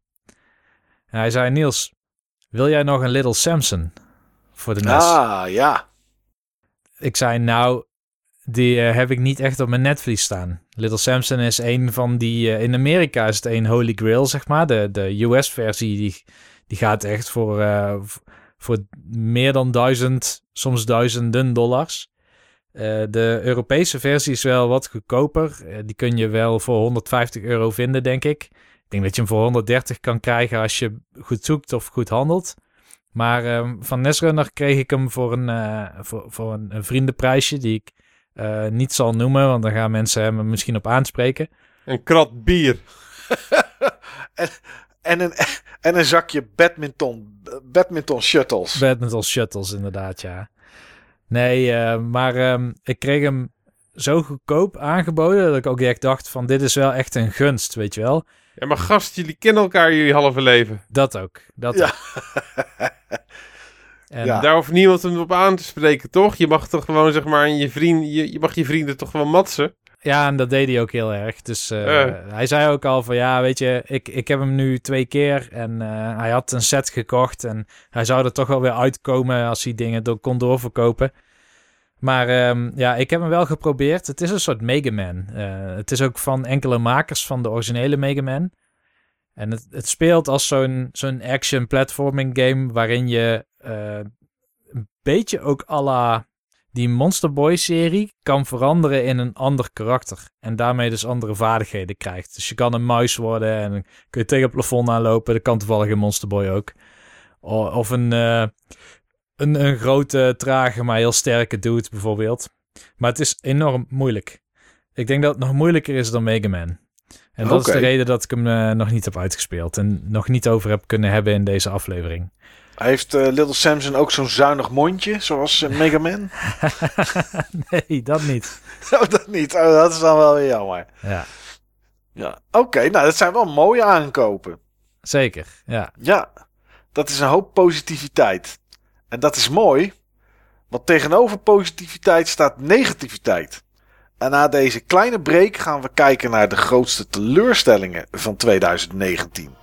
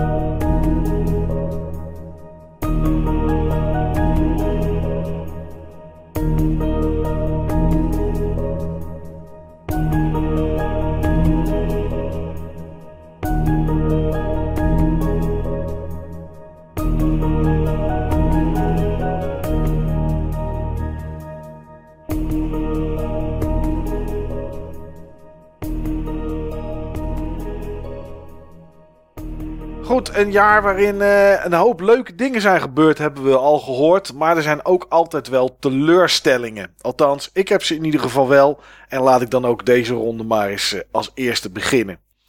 Um, ik heb gekeken naar alle games die ik gespeeld heb. En eerder, uh, eerder in deze uitzending of in de vorige. Inmiddels zitten we al een redelijke tijd op te nemen. Dus qua tijdsbeeld ben ik dat een klein beetje kwijt. Vertelde ik dat ik 19 games die in 2019 uitgekomen zijn heb gespeeld. Um, en van die 19 games zat er één bij die voor mij echt een teleurstelling was. Ik heb meer teleurstellingen. Maar um, ja, die teleurstelling was Rage 2. En dat was een game die ik ooit uh, in 2018 op de Gamescom had gespeeld. Op PC, maar met controller. En dat speelde toen al best wel goed. En toen dacht ik, nou, die game ga ik kopen. Die had ik ook gepreorderd. Het is volgens mij een van de weinige games zo niet de enige, denk ik, als ik naar het lijstje kijk, die ik gepreorderd had. Nou, nee, oké, Division 2. Oké, twee stuks. Um, en ik dacht, nou, dit wordt met muis en keyboard wordt dit straks super goed en super lomp om te spelen. Maar het was een echt een grote teleurstelling. Er waren zoveel knoppencombinaties die ik in moest drukken om moves uit te halen. Uh, die met een controller een stuk prettiger waren om te doen dat ik eigenlijk, ja, gewoon, het was één grote teleurstelling. En ik heb ooit nog gedacht van, ik hang er een controller aan en ik ga het gewoon met controller spelen. Maar eigenlijk heb ik dat gewoon geweigerd. Dus dat was voor mij, uh, dat was voor mij een, uh, een teleurstelling qua games. Een andere teleurstelling die ik had in 2019 is Sony. Sony was voor mij echt een, uh, een teleurstelling. geen bijzondere exclusieve games. Echt gewoon voor mij helemaal niets. Het enige wat, als je me zou vragen, wat is er exclusief uitgekomen, wat echt nieuw was, kan ik ook alleen maar Death Stranding opnoemen. Uh, Medieval hebben ze natuurlijk opnieuw uitgebracht. Maar goed, boeien. En voor de rest kan ik me helemaal niet één Sony exclusive voor Days de geest Gone. halen. Days Gone. Oh Ja. ja. dat is ook een game. Maar dat vond ik ook echt niet tof. Eh, voor de rest hebben ze geen bijzondere aankondigingen gedaan. Helemaal niet iets groots of wat dan ook. Eh, geen grote persmomenten. Eh waren natuurlijk niet bij de E3. Eh, ze waren voor mij een beetje onzichtbaar in 2019. En dat was toch wel een klein beetje een, een teleurstelling. Ubisoft vond ik ook een teleurstelling. Het is nooit mijn favoriete ontwikkelaar geweest. Maar de afgelopen jaren hebben ze best wel eh, goede games uitgebracht. Eh, kijk naar een Mario en Rabbids. Kijk naar een Division 1. eh, Assassin's Creed Odyssey. En ehm, Assassin's Creed die daarvoor kwam in Egypte. Ik weet even niet uit mijn hoofd meer hoe die heet. Zou ik wel moeten weten. Origins, denk ik dat het was. Nou ja, ik weet niet meer precies. Die in ieder geval. ehm, ehm, de Crew, de eerste, was ook best een aardige race game. Niet geweldig, maar. Maar in het afgelopen jaar hebben ze een aantal hele matige zetten gedaan. Eh Division 2 viel uiteindelijk toch tegen. Ondanks dat ik er meer uren in heb gestoken dan in de eerste. Maar dat kwam vooral omdat je alle eh tierwerelden. Je kon je wereld van tier 1 naar 5 zetten. Maar eh, dat kon in Division 1 ook. Maar dat kon je gewoon doen en dan was het er. Ehm, in Division 2 moest je dan elke keer weer missies opnieuw doen. Het werd daardoor kunstmatig best wel gerekt. Ehm, DLC viel wat tegen die uitkwam daarna. En eh, die raid was wel aardig, maar ook niet zo geweldig. De, de Dark Zone viel behoorlijk tegen. Omdat die opgesplitst was in drie. Dus ja, dat viel een beetje tegen. Ehm, de E3 zelf van Ubisoft viel echt heel erg tegen. Eh, Ghost Recon Breakpoint was natuurlijk echt gewoon op voorhand mijn ding al niet. Maar toen het uitkwam ook eigenlijk slecht. En door wat er allemaal gebeurd is, hebben ze natuurlijk ook alles uitgesteld wat eruit zou komen. Eh, net zoals God en Gods and Monsters. Dat zou in februari uitkomen. Dat is uitgesteld. Alles is. Ja, ze zien zelf dus ook wel dat ze. eh, ja, dat ze eigenlijk een beetje op een slecht pad zitten op dit moment. En de allerlaatste teleurstelling. En dat had ik niet gedacht dat ik eh, dat zou zeggen. Begin van het jaar. Ehm, Deze denk ik weer te weten. En dat is. Sekiro, denk ik. Nee, Oh, oké. Be- Bethesda. Bethesda, oké. Doom Eternal uitstellen. Wolfenstein Youngblood was één grote grindfest met, met microtransactions en dat soort dingen allemaal. En eh, het is knap dat het ze gelukt is, maar ook dit jaar Fallout 76. Wat een beroerde game. Eh, ze zouden de Wastelanders update zouden ze uitbrengen, waarin er NPC's, echte menselijke NPC's, in zouden komen. Die is uitgesteld. Ze hebben een eh 100 dollar year pass uitgebracht, waarin private servers zouden zitten die niet private was. Eh, er werden items opgegeten door, door de extra storage die, eh, ehm, die ze hadden. Eh, allerlei spul werd er gehackt. Er was onlangs nog een hack op PC, waarbij mensen alle, eh, moet ik het goed zeggen, alle assets die in Fallout 4 zaten. En dus eigenlijk niet in 76 zouden zitten. Maar het is natuurlijk gewoon onder water dezelfde game. Dat ze die konden spannen. Ruimteschepen uit, uit Fallout 4. Wapens, NPC's en weet ik wat allemaal. Ja, die game is echt zo kapot. En, en elke keer als er een update komt, gaat er meer stuk dan dat er verbeterd wordt. En, en, en nou, het is echt. Het is, ik had niet gedacht van de periode die ze aan het begin van dit decennium hadden, zeg maar, met games als, als Fallout New Vegas, eh, met Prey, met ehm, eh, eh, wat hebben we nog meer gehad? Eh, Doom hadden we natuurlijk gehad. Wolfenstein 1 en 2 vond ik alle twee tof. Skyrim. Ehm, nou, ze hebben best wel, nou best wel, ze hebben een hele hoop toffe games gehad gewoon. En, en nu in één keer zakt het helemaal in. Dus ik hoop dat Doom Eternal volgend jaar eh, dat dat wel goed is. Eh It Software, dus het zou moeten. Maar ja, goed, die deden ook Rage 2. eh, gedeeltelijk. Dus ja, dat was voor mij wel echt een, een teleurstelling ook. Ja, wat jij net zegt, Niels, eh Sekiro. Ja, dat is een teleurstelling bij mezelf. Dat ik het gewoon Ah, niet ja, kan. Ik snap Maar het. dat, dat, ja, is misschien ook wel een teleurstelling. Maar die ga ik deze vakantie toch nog een keertje oppakken om te kijken of ik het uh, misschien toch nog in de vingers kan krijgen. Het, het is ook de reden dat ik geen um, Fire Emblem Three Houses als teleurstelling ga noemen. Nee. Omdat ik weet dat ik gewoon niet ja, met de juiste energie of wat dan ook, zeg maar, naar die game kwam op het moment dat die uit was. Ja. Maar wat ga je dan wel als teleurstellingen opnoemen, Niels? Want ja, nu je toch bezig bent. Oh ja, ik heb nu het woord. Oké. Zo ehm, werkt dat, hè? Ja, jij noemde het eigenlijk al uh, in deze aflevering. En uh, maakte er verder geen discussie aan, uh, aan vuil. En dat ga ik ook niet doen. Maar Blizzard en het gedraai en omheen praten van hun positie rondom die e-sports gamer uit Hongkong. Ja. Dat was gewoon pijnlijk om te zien. Um, uh, ja, dat was ook wel echt duidelijk. Een teleurstelling. Ja, wat, wat voor hun zeg maar uiteindelijk het belangrijkste is. En um, uh, wat ik ook heel pijnlijk vond, is de situatie rondom de release van Shenmue 3. Los van de game zelf, waar ik die mm -hmm. niet heb gespeeld en ik heb ook niet zo'n interesse in, maar die game die, um, die toen was gekickstart al vrij lang geleden, uh, met heel veel mensen die een Steam-versie hebben aangevraagd. Waar die vervolgens dan met nog meer funds en dan vervolgens weer een kaping door, door Epic Games komt die exclusief voor PC althans op de Epic Games Store. Krijgen mensen dus geen Steam keys meer. Ik geloof dat inmiddels de situatie hersteld is. Maar in het begin hadden ze ook iets gezegd van ja, jullie krijgen wel Steam keys, maar pas over een jaar. Klopt, dat was, de, dat was de bedoeling inderdaad. En je zou hem dan niet op Steam kunnen kopen. Maar iedereen die dan op Steam de game uh, gekickstart had, zou dan alsnog wel een key krijgen voor Steam. Dat klopt, ja. Ja, ja. ja nu is het uh, inderdaad beter. Maar uh, ik vond die situatie gewoon extreem raar. En het had nooit ertoe mogen komen, zeg maar, dat een publisher zoveel deals maakt. Waardoor oorspronkelijke mensen die hebben gekickstart, eigenlijk hetgeen waarvoor ze het hebben gekickstart niet meer kunnen krijgen. Want daar leek het toen op. Ja. Anyway, um, de meest... Die uh, gebeurt vaker, hè.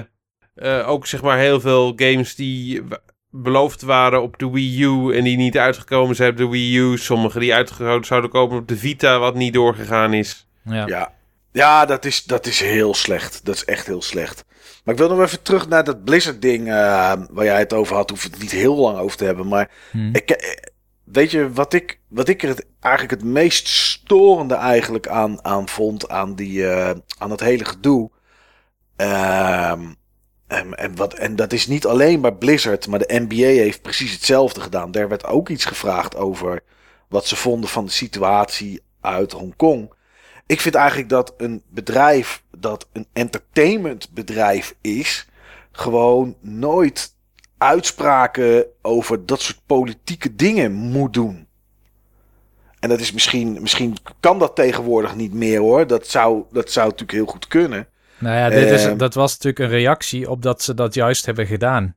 Klopt. Alleen nou dan ja, dat is het. Ja, nou ja, goed, inderdaad. Uh, een, een, een Hearthstone-speler die roept Free Hong Kong. En in één keer wordt zijn prijzengeld afgenomen. En dat soort dingen allemaal. En het excuus ook wat kwam van Blizzard was ook echt zo'n nep-excuus. Want ze, ze hebben, het enige waarvoor ze excuus hebben gemaakt. is voor het feit dat ze niet, het, het niet duidelijker hebben gezegd. of beter gehandeld hebben. Ja. Maar ze hebben nooit eigenlijk excuus gemaakt aan, aan, Blitz, aan Blitzjong. Um, van sorry gast, dit hadden we zo niet moeten doen met je. Ze hebben alleen maar excuus gemaakt voor de backlash eigenlijk die ze, die ze gekregen hebben. Ja. Ja, dat was er echt heel, echt heel slecht aan. Ja, het heeft. Uh, ik weet ook niet of het, uh, of het ze voor de rest financieel geraakt uh, heeft. Ik weet dat er heel veel mensen hun, hun World of, Warcraft, World of Warcraft subscription wilden opzeggen en dat het ineens niet kon dat die functie zogenaamd in één keer uit dat de lucht was. Dat was ook wel heel slecht natuurlijk. Ja, dat is echt heel slecht. Overigens ben ik wel van mening dat zo'n gast niet zoiets moet roepen tijdens zo'n uh, tijdens zo'n toernooi. Vind ik ook. Uh, ja, het gaat er gewoon niet om, om uh, politieke statements te maken, onafhankelijk van wat die politieke statements zijn. Nee. Veel sportmensen tekenen daar ook contracten voor. Ja. ja, ik denk ook niet dat je aan Wesley Sneijder of zo, of welke andere voetballer moet vragen wat hij vindt van alle mensen die onder als slaaf of onder slaafse, slavernijachtige praktijken nu in Dubai uh, overlijden omdat ze stadions aan het bouwen zijn. Weet je, uh, voor, voor het WK in, in, weet ik veel, 2020, 2022, ik weet niet wanneer het komt. Maar dat zijn, daar gaan die gasten ook geen uitspraken over doen. Dus ja, weet je, die gast had dit ook inderdaad gewoon niet moeten doen. Maar ja, dat is de pest. Uh, die doen dat. Ja, en dan moet je ermee dealen, inderdaad. Maar ja, goed. Of je moet er niet mee dealen. Ik denk dat dat nog het beste had geweest. Als ze gewoon helemaal niets ervan hadden gezegd. Want dan was het gewoon, ja, oké, hij heeft het geroepen. Als Blizzard had gezegd, wij staan er niet achter. Wij doen niks met politieke statements, want we zijn een entertainment company. En uh, we gaan ook niks zeggen over politieke agenda's hier in Amerika of uh, in, in Nieuw-Zeeland of in Ethiopië of wat dan ook. En vanaf dat moment zorgen dat als je wil dat het niet meer gebeurt, nog meer delay op je stream zetten. En dan knippen op het moment dat dat geroepen wordt. Dan ben je er misschien. Maar ja, goed. Nou ja. Het is gebeurd. Het was wel iets groots. Dat in ieder geval wel. Nog meer teleurstellingen, Niels. Nou, ik wil naar de games. Ja, de, lekker man. De teleurstellende games. Nou, de, de meest teleurstellende, maar ik weet ook niet wat ik had verwacht hoor. Maar dit was echt een slechte game. Het was um, My World is Ended. Daar heb ik het over gehad. Oh, ja, inderdaad. Maar uiteindelijk, en ik ben een beetje onzeker of dat ik deze game wel hierbij moet zetten. Maar ik heb Steven een soort gelijk iets een keer horen doen. In zo'n jaaroverzicht. Een game waarvan je dacht, hè? Ik dacht dat je die heel tof vond. Is dan in één keer de grootste teleurstelling. Um, ik denk dat uiteindelijk mijn grootste teleurstelling, ondanks dat ik er best wel veel van genoten heb, was uh, Dragon Quest 11. Oh, dat is wel apart. Ja, ik heb die inmiddels uitgespeeld. En ja, ik Dragon moet zeggen... Quest 11S hè, op de Switch. Ja, ja. Ja. En ik moet zeggen dat um, er is overigens nog wel een postgame chapter. Die heb ik nog niet uitgespeeld. Maar mensen zijn daar heel negatief over. Dus die stel ik uit tot ik echt zin heb om Dragon Quest te spelen. Dat je echt geen visual novel meer hebt. Ja, als, als ik ze allemaal heb uitgelezen, dan ga ik Dragon Quest 11 uh, ga ik doen.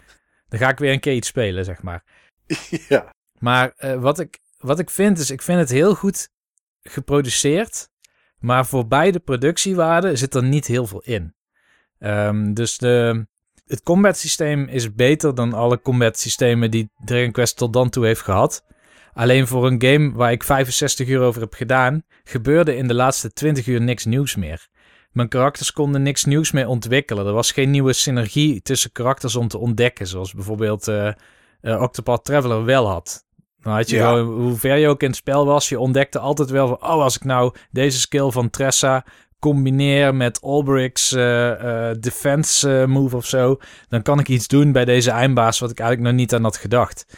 Maar in Dragon Quest 11, daar heb je een soort, een beetje zo'n zo'n Final Fantasy 10 sfeer grid-achtige skillontwikkeling. Dus je kan kiezen, ik doe maar die skill, ik kun je allemaal vrijkopen. Superleuk, weet je wel, ben ik helemaal voor. Maar als je net zoals ik redelijk nadenkt over welke skills je wil hebben, dan path je je binnen een uur of twintig wel naar alle skills die je echt wilde. En daarna is er niks wat nog iets toevoegt, wat jou echt nog iets nieuws kan bezorgen, want je bent geïnvesteerd in een bepaalde weapon tree. Um, Past goed ook bij dat zwaard wat je bij elkaar gegrind had in het casino. Ja, inderdaad, ja. Ja. Ja. Nou ja en ik dus bedenk moest me net in een één keer... ik ben net in één keer, Niels. Jij bent wel echt van de visual novels. Want je hebt van Dragon Quest 11S ook een visual novel gemaakt... door de, de battles op auto te zetten. Zodat je dat ook niet meer hoefde te doen. Nee, ik speelde nog met één karakter. De rest Oh, dat wel. Ik dacht, Ja. dat, oh, ik dacht dat je alle battles op automatisch had gezet. Nee, die battles zelfs op eh, vijf of tien keer de snelheid waar, waarop ik het had staan, vond ik Ja. ze te eentonig worden. Want er zit gewoon geen strategie in. Nee, Het, dat is, klopt. het zijn allemaal damage sponges. En je- en je- het enige wat, waar je tactisch over na moet denken is hoe je niet door al je magic heen gaat. Zodat je die Ja. niet over hebt voor de eindbaas. Maar voor de rest ben je gewoon puur ja, redelijk aan het kijken naar hoe, hoe doe ik veel damage voor relatief weinig eh, resources, zeg maar. Ehm, uiteindelijk bij eindbazen, daar zet ik weer alles aan dat ik alle karakters kon besturen. Want dan wil je ook gewoon die, die, die controle hebben, zeg maar, over wat er gebeurt. Ja, het gevoel ook dat je zelf wint van die, van die eindbaas, dat is dan toch nog wel leuk. Maar ja, oké, Impala zei het al in een topic. Hij zei van ja, is dit weer zo'n en toen en toen en toen Dragon Quest? En het is inderdaad zo'n en toen en toen en toen Dragon Quest. Dus de hele game is een soort van kralenketting van allerlei gebeurtenissen die niet per se voelen alsof er progressie in zit, maar gewoon alsof er variatie in zit. Dus het is allemaal best wel gebaseerd op Dragon Ball Z. Heel duidelijk van we gaan ergens trainen op een soort van klein planeetje waar een heel machtig persoon die een bepaalde techniek onder de knie heeft, jou kan trainen, maar ben je wel waardig of heb je wel tijd genoeg om dit te doen? Zeg maar dat soort dingen. Je hebt het allemaal al zo vaak gezien en daar is dit gewoon ja, een hele serie van, zeg maar. En ik denk op het moment dat je daarvan houdt, gewoon van dat je zegt, hey, doe maar gewoon simpele gameplay. Ik wil niet te lang nadenken, maar ik wil gewoon verrast worden door verhaaltjes en cutscenes en coole karakters. Want dat heeft het wel zo. De karakters zijn gewoon bijna allemaal heel cool. Ook al vind ik sommige karakters richting het einde, die, die ontwikkelen gewoon echt niks meer. Ook niet qua uh, diepgang. Maar de meeste karakters die zijn wel interessant. En het is zeker op dat vlak, vind ik, de beste Dragon Quest. Ja, het, het, het had gewoon niet genoeg om mij vast te houden voor die 65 uur. Voor 40 uur, topgame. Was het in mijn top 3 Game of the Year.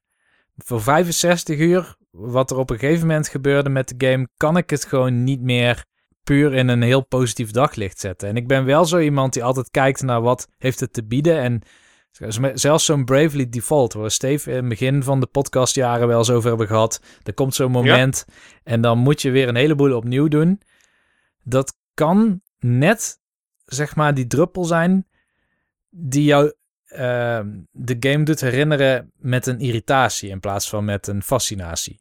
En dan kan het best zijn dat 80% van de game echt fantastisch was. En ik heb dat nu een beetje, wat Steve toen had met Bravely Default, heb ik nu met Dragon Quest 11. Oké, ja, nou ja, duidelijk. Kijk, dit zijn games, daar mag je ook wel wat van verwachten. Um, het zijn oude series. Ze men, die bedrijven moeten echt wel iets hebben geleerd. Dus veel budget uh, beschikbaar. En ze vragen ook wel iets van je qua tijdinvestering. Dus dat, daar mag best wel wat tegenover staan. Dus ik snap het, Niels. Ja. ja. Ja. ik snap het ook. Als je het zo uitlegt, dan snap ik het. Ja, ja zeker. Dat was het. Oké. Okay. Uh, Steve, heb jij uh, nog wat toe te voegen aan het lijstje met uh, teleurstellingen van 2019? En of? Kijk. Ten eerste, gebrekkige hardware. Mijn PlayStation 4 begint toch wel steeds meer kuren te vertonen. Oké. En waar, waar uitte die zich in? Het apparaat begint soms spontaan te piepen. Ik denk dat, dat hij dan een beetje oververhit raakt. Hij had soms al dat hij cd's uit ging spugen. Oh ja, ja, dat is een bekend probleem. Ja. Um, de controllers, die zijn nou niet echt heel erg duurzaam. Ik heb een extra controller moeten kopen. Ja. Mijn Nintendo Switch, die uh, heeft uh, last van drift. Zowel oh. mijn Pro Controller als mijn, uh, mijn Joy-Cons. Oh, dat is hinderlijk. Ja, ik, ik weet nou hoe het voelt, dankzij mijn Xbox controller. ja. ja. Dat is, echt, dat is echt wel zonde. Dat is echt wel allemaal irritant. Kijk, joh, je betaalt gewoon goed geld voor die apparaten. Ja. En laten ze het gewoon op zo'n manier ontwikkelen van dat het gewoon duurzamer is en betrouwbaar. Ja, ik vind het helemaal niet erg om een tientje meer uit te geven. Nee, dat. Ja. Maar dit was het vroeger ook. Ja, uh, mijn NES en, en SNES controllers en met joystick van mijn Commodore Amiga van vroeger. Ja, het doet nog perfect. Ja. Ik gisteren nog mee zitten spelen. Dat, dat, ja dat zijn apparaten die zijn dan een stuk makkelijker, een stuk eenvoudiger. Als je dat uit elkaar haalt, valt, valt het ook veel beter te snappen. Die kan je ook uh, weer repareren en echt weer een nieuw staat krijgen. Ja. Um, daar zijn die nieuwe controllers voor mij dan te ingewikkeld voor.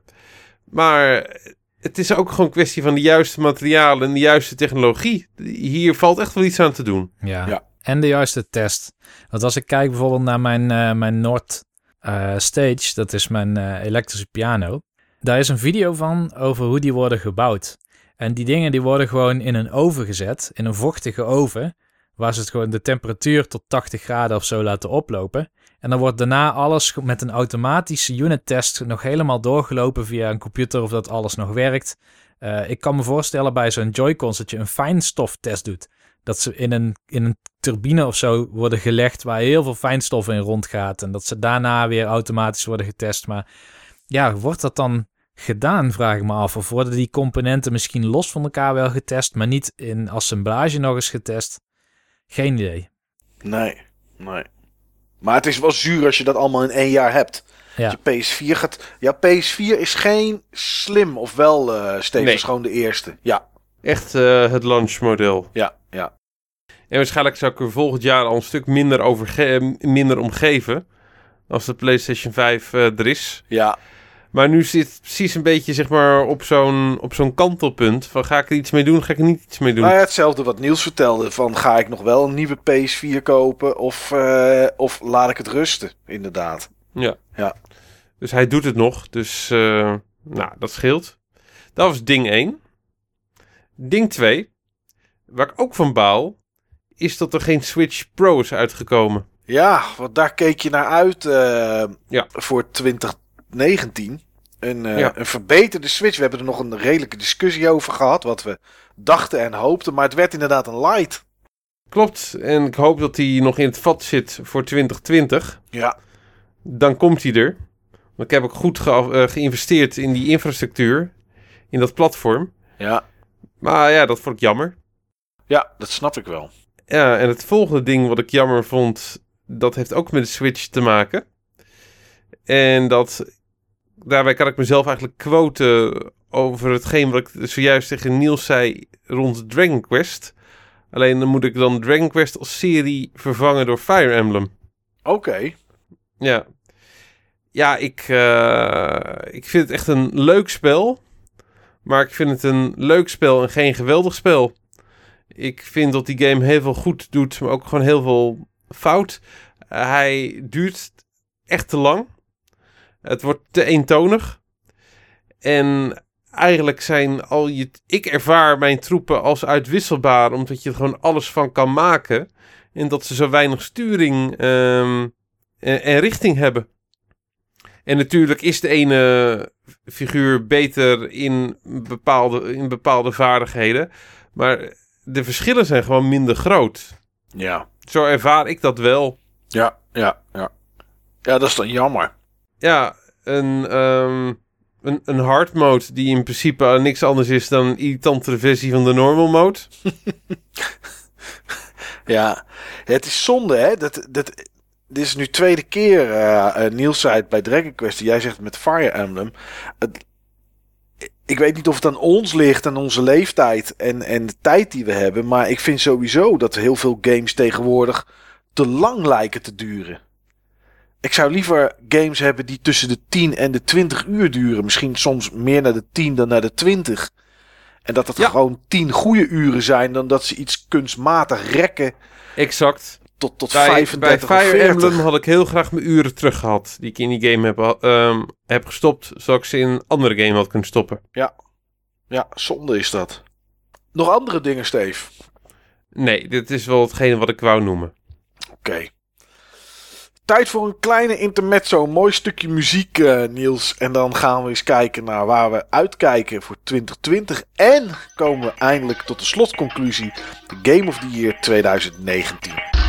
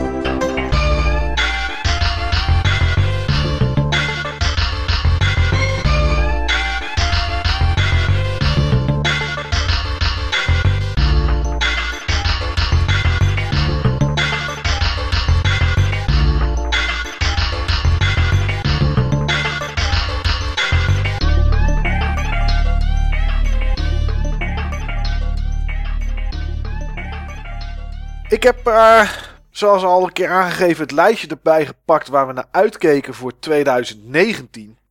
Ja, Steve, omdat we net met jou eindigden en je als een, uh, toch als een teleurstelling had dat er geen nieuwe en verbeterde Switch uh, op de markt is gekomen. Iets waar je naar uitkeek voor 2019. Ehm, keek je ook uit naar de beurs in Zwolle en de Buttonbashesdag 2019. Ben ik naartoe gegaan? Ja, alle twee geweest. En was alle twee uh, volgens mij een prima dag, denk ik. Zeker, absoluut. Het was heel even stil. Ik denk, oh jee. Allebei, nee. allebei de dagen erg van genoten. Ja. En voor de rest had jij toen het credo: ik kijk eigenlijk naar niets meer uit. En ik zal dat ook niet meer doen. Uh, jij was daar wel een beetje klaar mee met dingen vooraf. Dat was eigenlijk weinig waard. Ja, um, vind ik nog steeds. Oké, okay. heb je wel games waar je naar uitkijkt voor 2020? Ja. Oké, okay, gelukkig. Dan wil je vast weten welke. Ja, laten we het maar gelijk doen. Waar kijk okay. je naar uit? Ik kijk uit naar Streets of Rage 4. Oh ja, dat komt hè? Ja. Ja, ik ben er vrij van overtuigd dat die heel tof wordt. Ja, ja, ja, dat snap ik wel. Ik ook. Die ga, die ga ik ook sowieso kopen. En ik kijk er echt naar uit om die met verschillende vrienden te spelen. Dat gaat gewoon gaaf worden. Ja. ja. Die gasten van .emu, die weten gewoon wat ze doen. En het is gewoon een hele toffe franchise. Ja. Het ziet er echt, het ziet echt mooi uit. Ik was er ook echt uh, blij mee dat hij voorbij, dat hij voorbij kwam in die Nintendo Indie trailer. Dat was prima. Ja, zeker. Ja, leuk. Ik vind het ook heel gaaf dat um, The Wolf Among Us toch weer een vervolg krijgt. Ja, dat is... Uh, Wat jij net ook noemde. Ja, want dat vond jij echt een hele toffe telltale. Ik denk de tofste. Ja, dat, ja, dat vond ik echt... Ik, ik heb echt zo genoten van hoe ik, uh, hoe ik die game heb ervaren. Ja. Um, die heb ik echt in één klap helemaal uitgelezen, die game. Inderdaad. ja. Het is inderdaad ja. een soort visual novel. Er zit wel nog wat interactiviteit in. Ja, ja, maar dat... Wauw, ik weet het gewoon allemaal precies nog.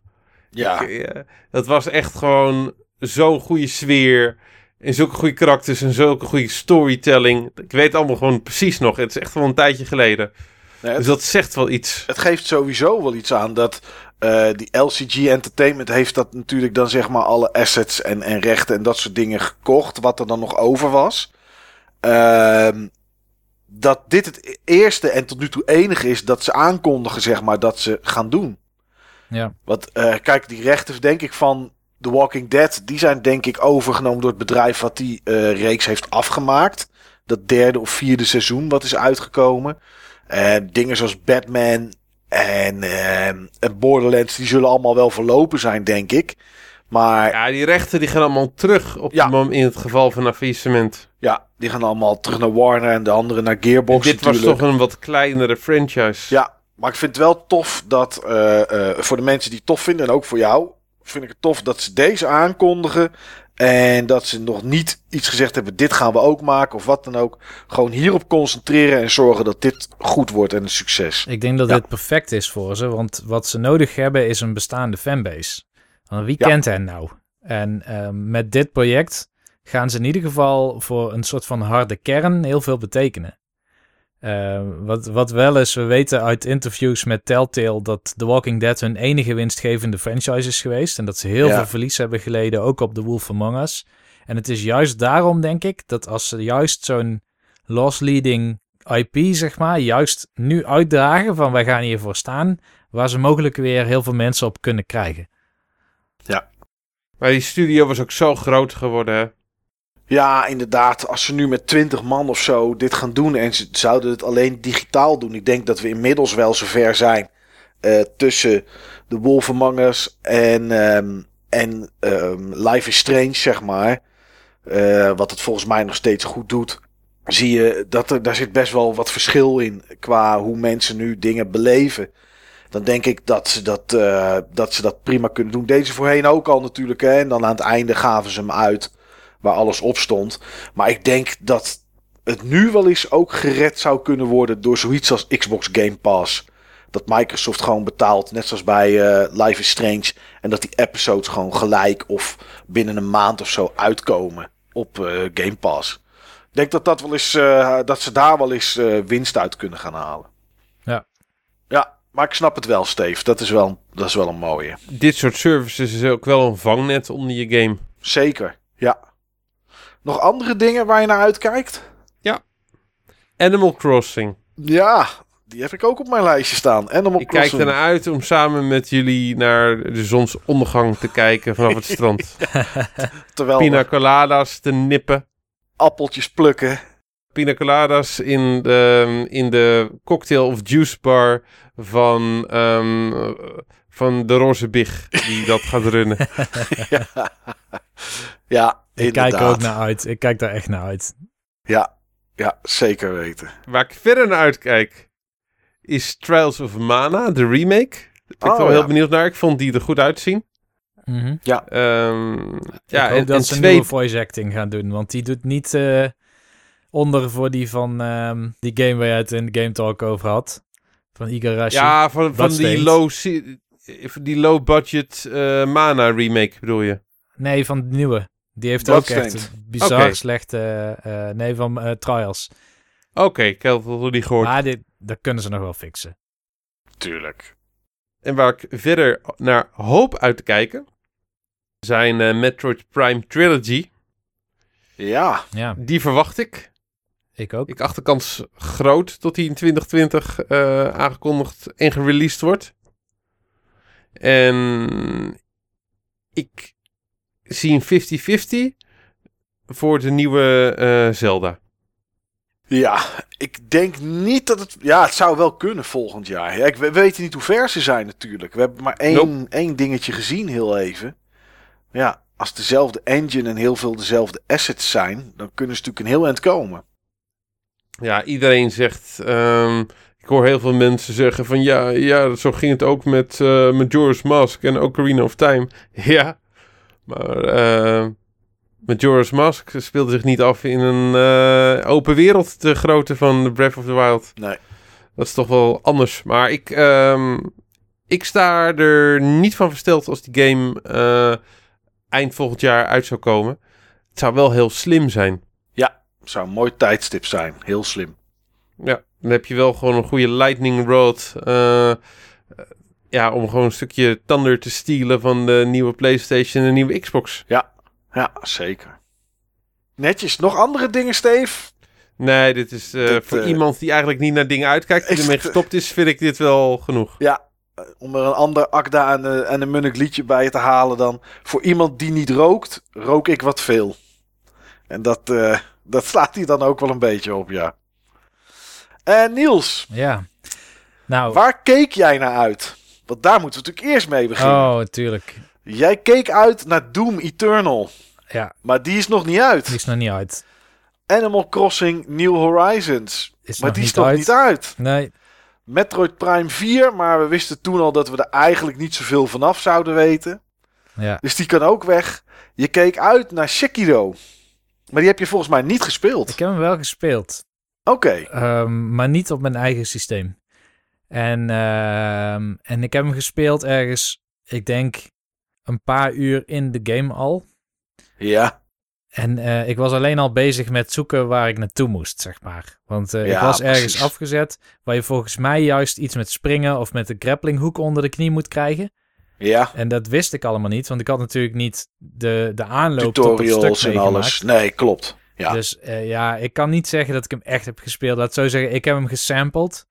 En toen dacht ik van, dit, dit wil ik nog wel eens spelen, maar het wordt niet een hele hoge prioriteit voor mij. Nee. Oké, en één, dan is er nog maar één titel waar je, nou ja, je keek er niet echt naar uit, maar je noemde hem wel. En dat was Fire Emblem Three Houses.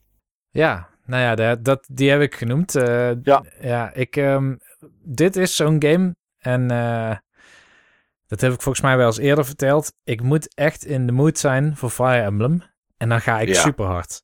Maar als ik net niet in de mood ben, of als er een afleiding is, of er is misschien een andere soort gelijk game. eh, bijvoorbeeld op dit moment zou ik eerder een Disgaea gaan spelen dan een Fire Emblem. Omdat ik die, die serie nog niet zo goed ken. En de Fire Emblem, ik weet wat ik kan verwachten. Ik zit een uur of zes in de game volgens mij ook, van Three Houses. Maar ik heb niet die drive op dit moment om daar doorheen te stampen. En dat is wat nodig is voor die game. Ja. Ja, ja, zeker als we Steve net horen over dat hij eigenlijk te lang is, dan moet je behoorlijk stampen. Ja, precies. Waar kijk je dan wel naar uit voor 2020? Ehm, nou, ik kijk nog steeds uit naar Animal Crossing. Ja. En dat is volgens mij de enige bevestigde 2020-titel waar ik naar uitkijk. Mhm. De andere games, daar hoop ik dat ze volgend jaar uitkomen. Ehm, bijzondere interesse, misschien wel het meest geïnteresseerd van alle games, ben Ja. ik naar Microsoft Flight Simulator. Oh ja. Maar of dat die gaat komen, dat is mij nog niet duidelijk. Het kan best zijn dat die over twee- 2020 wordt heen getild of zo.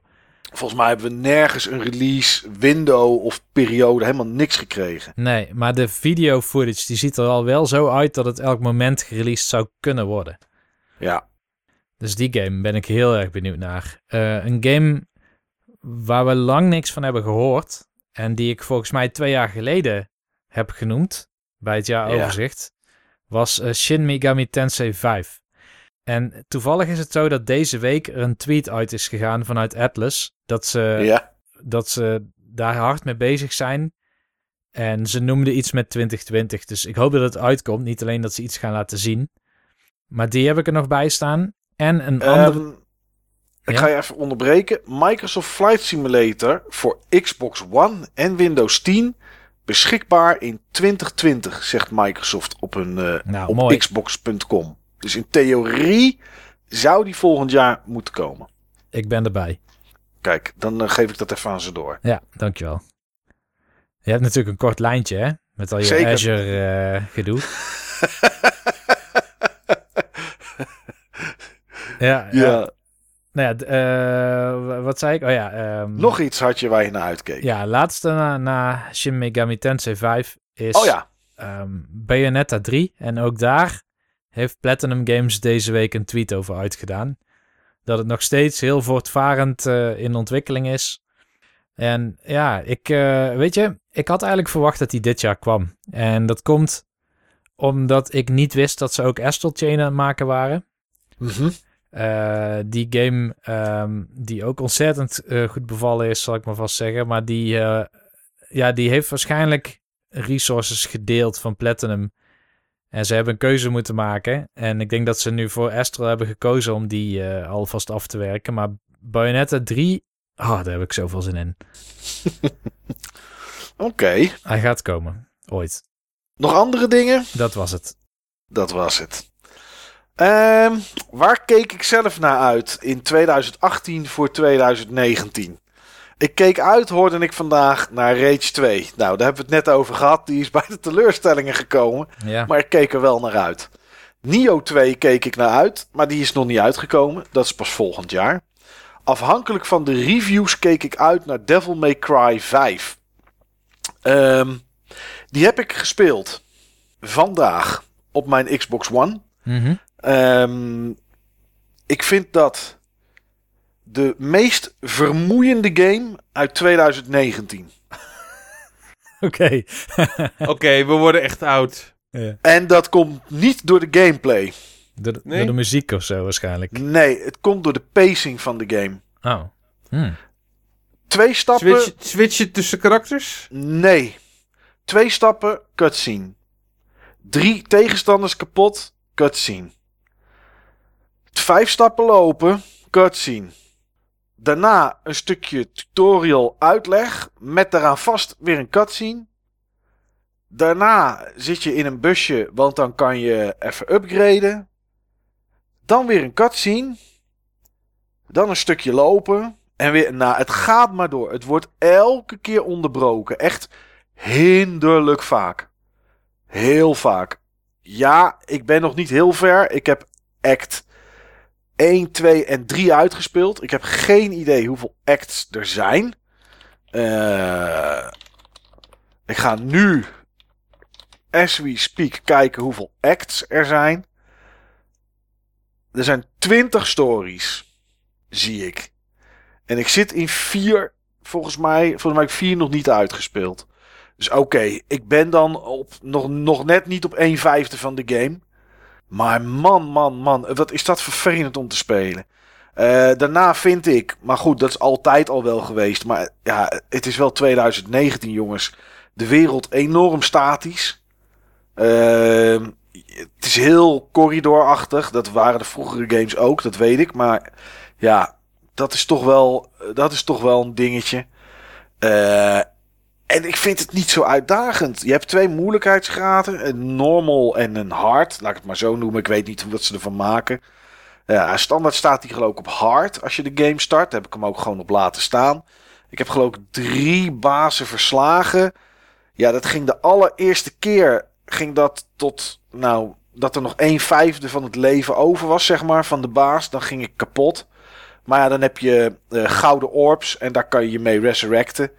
Uh, die kan je kopen in uh, tussendoor en die kan je vinden ook. Want in het laatste act vond ik er twee of drie. Dus ja, ik weet niet. Die bazen zijn ook behoorlijk saai. Ja, ik weet niet. Nee, doet me helemaal niets uh, voor de rest. Maar goed, ik heb, ik heb er wel een uur of vier in gestoken. Omdat ik het toch, toch wilde proberen. Uh, Last of Us 2 keek ik toch wel naar uit, maar is nog niet uit. Doom Eternal keek ik naar uit, maar die is nog niet uit. Ori and the Will of the Wisps keek ik naar uit, maar ook die is nog niet uit. Uh, Gears 5 keek ik naar uit, nou ja, dat heb ik gespeeld. Control van Remedy keek ik naar uit, heb ik ook gespeeld. Man of Medan keek ik naar uit, uh, die van Supermassive, die gasten van Until Dawn. Maar dat is, die heb ik niet gespeeld. Dat is volgens mij de enige die wel, de, enige game die wel uitgekomen is, die ik niet gespeeld heb. Uh, Dying Light 2 keek ik naar uit, maar die is niet uitgekomen. Division 2 keek ik naar uit. Sekiro keek ik naar uit.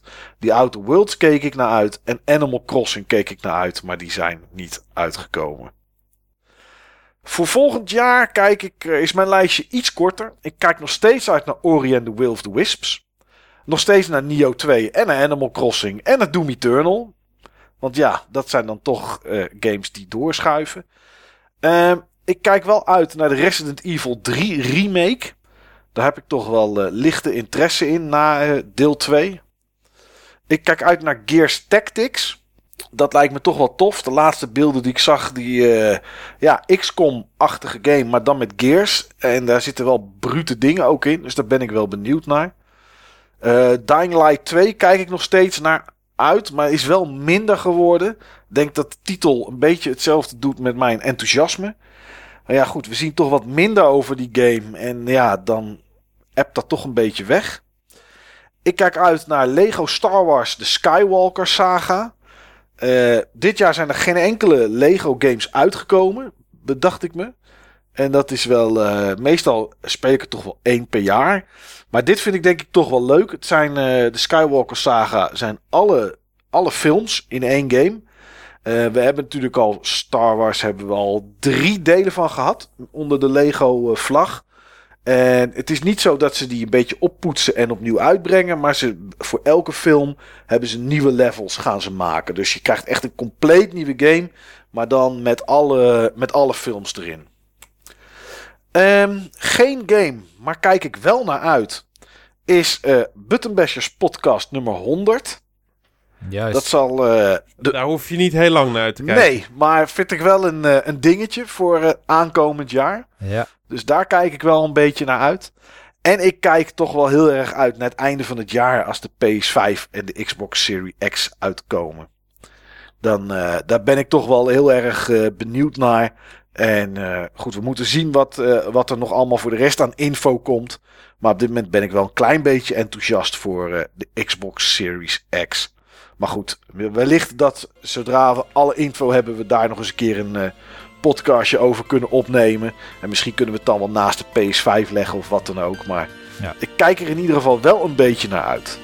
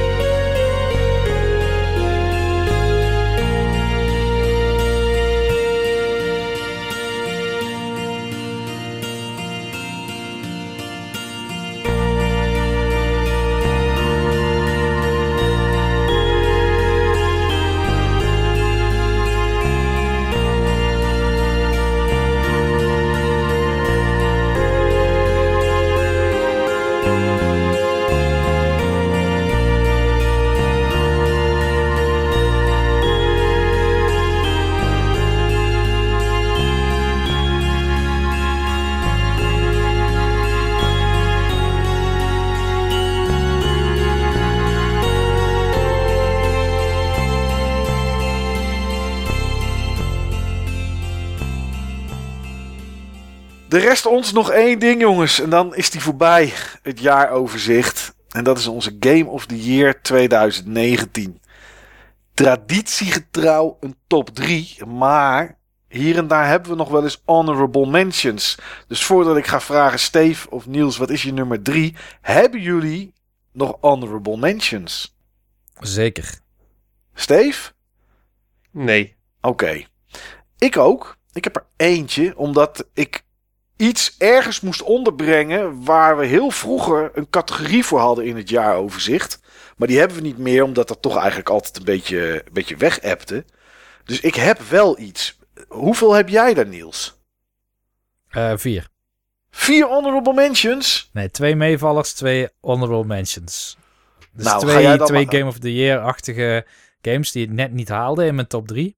Ja? En twee games waar ik van had verwacht dat ze slecht waren, maar die ik goed vond.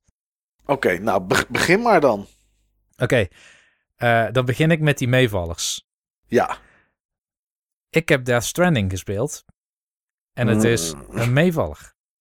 Het is geen, voor mij geen Game of the Year materiaal, maar ehm, de moment-to-moment gameplay waar het op gebaseerd is, deed me heel erg denken aan Breath of the Wild.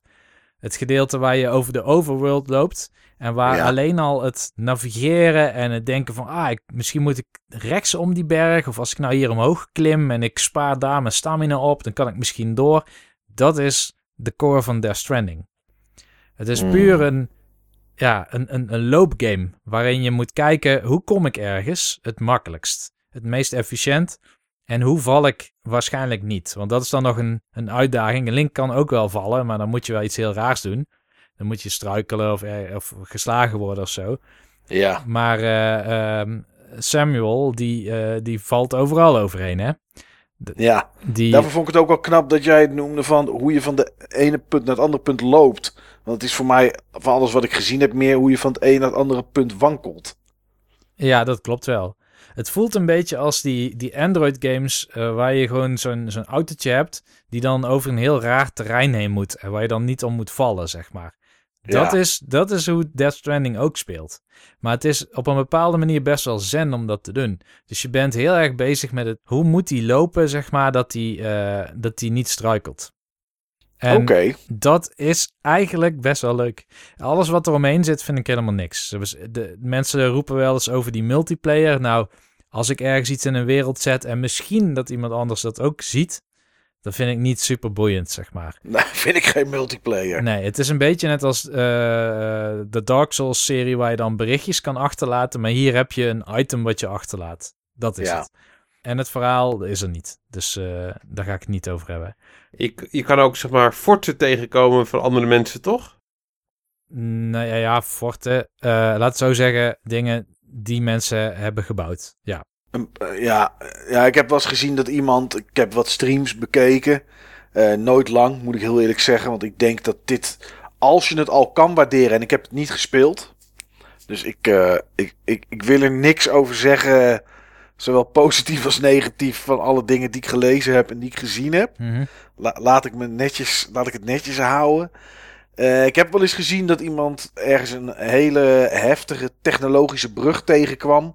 En dat zei dat hij die niet gebouwd had. En ja, dat, dan moest hij dus van iemand anders zijn, inderdaad. Ja, dat kan. Ja. Nou. Het zijn meestal hulpmiddelen. Ja, ja, ja. Goed, die andere meevaller. En deze die, uh, die komt denk ik echt helemaal uit het niets. Ook voor mij. Want ik wist niet dat ik nog zo'n game ging spelen. Weten jullie nog dat ik precies een jaar geleden in de vorige jaaroverzicht het heb gehad over een Atelier game? Ja, ja, en daar was Met ik de naam van... Was je niet zo positief over, toch? Uh, nee, dat klopt. Het was van twee vrouwtjes, twee, twee dames, twee meisjesnamen. En uh, ja, je moest iets met chemie doen, volgens mij. Alchemie, ja. Alchemie. Ja. In mijn herinnering was ik nog wel redelijk positief, maar het was meer dat ik het interessant vond. Um, en ik probeerde heel erg te vinden, wat is nou de hoek van de game? En ik heb die niet echt gevonden en ik heb ook de game heel kort nog na die podcast gespeeld en toen weggelegd. En ook gedacht, dit is gewoon helemaal niks voor mij. Om meerdere redenen, maar de serie is überhaupt bedoeld voor meisjes. Maar dan kan het nog steeds leuk zijn en aantrekkelijke gameplay zijn, maar dan is het meer op de... Is die hele Atelier-serie bedoeld voor meiden? Ja. Ja. Ja. ja, dan weet je dat. Ja. En er zitten 21 games in, hè? En de reden dat ik het ook wilde noemen is, er zijn dit jaar drie nieuwe games in die serie uitgekomen. Zo dan. Dus dat is bizar inderdaad. Ja. Er zijn 11 games op de Switch in de serie inmiddels al. Wauw. hemel. Ja. Maar goed, ehm, ja, die game, ik liep elke keer tegen dingen aan. Hè? Want in mijn hoofd is het leuker dan hoe het feitelijk is. Dus in mijn hoofd denk ik, oh, het is een soort Rune Factory of Harvest Moon, weet je wel. Ehm, je moet alchemie doen, maar dan moet je spulletjes voor hebben. Dus dan moet je die eerst gaan verzamelen. En dan denk ik, oké, verzamelen. Ik selecteer via het menu dat ik naar het bos wil. En dan denk ik, uh, hell yeah, here we go. Bloemetjes plukken. Oei, weet je wel. Maar Nee, want er zijn altijd wel weer dingen die irriteren. Um, A, uh, het werkt allemaal niet zo lekker. B, je inventory zit zo'n beetje meteen vol. C, elke keer als je iets doet, dan kost dat tijd. En dat gaat af van de tijd die je andere dingen had kunnen doen. En het spel houdt alles bij wat je aan het doen bent. Er zitten allerlei softlocks in. Sommige quests die, eh, die, die kun je niet meer doen omdat je er te lang over hebt gedaan. Of omdat je op de verkeerde plek was op een bepaald moment. Je hebt allerlei kwaliteitseisen voor dingen die je maakt. Um, het verhaal gaat niet verder, want je hebt X niet gedaan, maar je weet niet wat X is. Dan gaat het verhaal in één keer wel verder. En dan allerlei progress die je op andere vlakken hebt gemaakt, worden in één keer geundoed. Het was de hele tijd frustratie na frustratie na frustratie. En om een of andere reden zei toen iemand tegen mij, en ik had het ook wel in een top 10 lijstje gezien, heb jij Atelier Rise al geprobeerd, het nieuwste deel? Ik zeg nee, dat was ik ook niet van plan. Ze zei, nou, moet je toch maar doen. Nou, ik heb die uh, gekocht, want ik had een, uh, een VVV-bon en ik weet echt niet meer waar je die in Nederland kan uitgeven, behalve bij de Game Mania. En ik dacht, ik geef hem maar uit voordat ook Game Mania ermee stopt. Ja. Um, en, kwestie van tijd, hè? Ja, kwestie van tijd. Um, dus toen heb ik uh, Atelier Ryza gekocht. Ik heb hem geprobeerd en warempel, het fixt bijna alle problemen die ik had. En het okay. wordt daardoor die game die je eigenlijk hoopt dat het is. En het ziet er mooi uit. Het is echt het is een nieuwe engine, dus het, ziet, het is heel mooi gerenderd. Ik zou bijna willen, zeg maar, dat Nintendo ook zo, met zo'n engine een hele grote adventure zou maken. Er zitten weinig irritaties meer in. Bijna niks heeft nog een timer, in ieder geval niks waar je op af wordt gerekend. Um, je kan nu echt spelen zoals je het zelf wilt, niet zoals de game afdwingt via al die, die getimede softgates en zo. Dus als je nu zin hebt om gewoon dingen te verzamelen, dan kun je gewoon dingen verzamelen en er is geen penalty. Um, je hebt een grotere inventory. Uh, het battle systeem is, is nu eigenlijk best wel leuk, moet ik zeggen. Dus het battle systeem is nu een soort active battle system. Dus je ziet wanneer de volgende, ja, wie er aan de beurt is. En dan over een lijn gaan die naar beneden. En als die helemaal beneden in het scherm zijn, dan gaan die vijanden of die partymembers voor jou iets doen.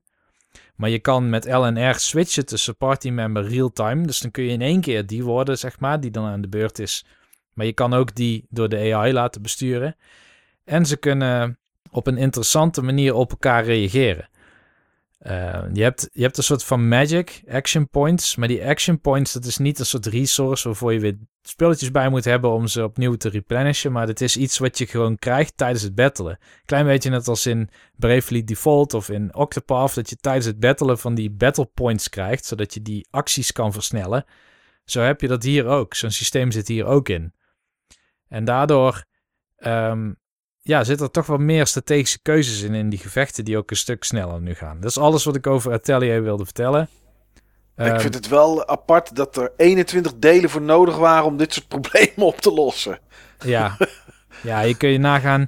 Volgens mij die, die games die nog ouder zijn, zeg maar, dan die ene die ik vorig jaar had gespeeld. Want het was toen de nieuwste.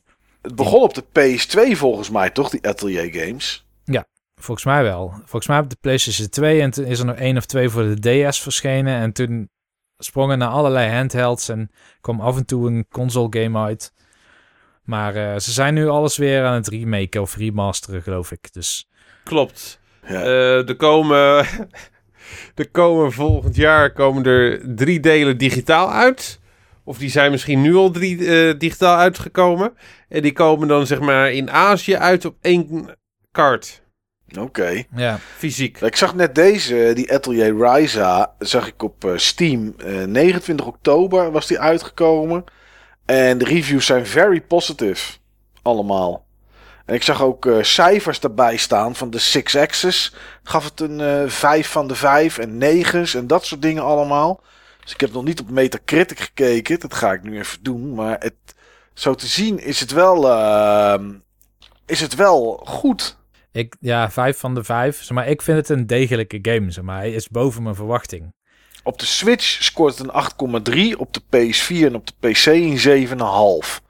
Dus mensen die Switch spelen zijn iets positiever over. Want ik kan me niet voorstellen dat de game daar een stuk beter op is. Ja, het zou kunnen hoor, maar dan. Uh, dus denk ik, uh, nee, dus denk ik een ander publiek en andere review sites die het coveren en zo.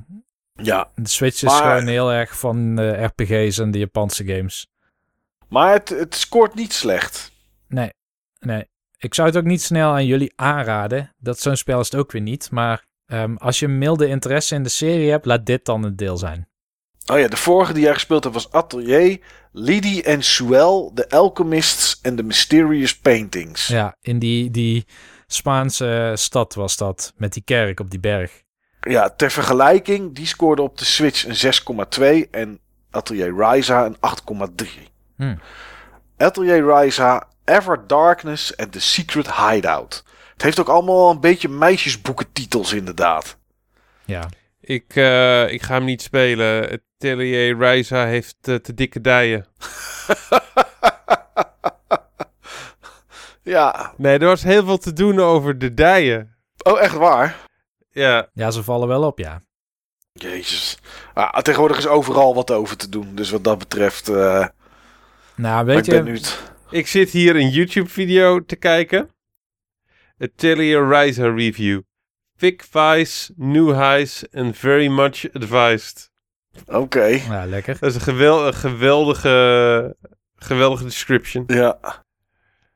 Ziet er goed uit inderdaad qua graphics. Ja, het draait ook heel goed. De oudere games die draaiden allemaal een beetje slecht en uh, allerlei framerate problemen, maar dit draait gewoon prima. Ja, oké. Nou, dit waren twee games die uh, meevielen ja. of zoiets. Ja. Je had nog twee titels. Ja, dat zijn dan de runner-ups. Daar kan ik heel kort over oh, ja. zijn. Een van de runner-ups is Gears 5. Oké. Die hebben wij samen gespeeld uh, dit Ja. jaar. Daar hebben we een hele Club Button Bashers aflevering op. Waar we in detail nog over die game uh, praten. Dus die zou je na kunnen slaan daarop.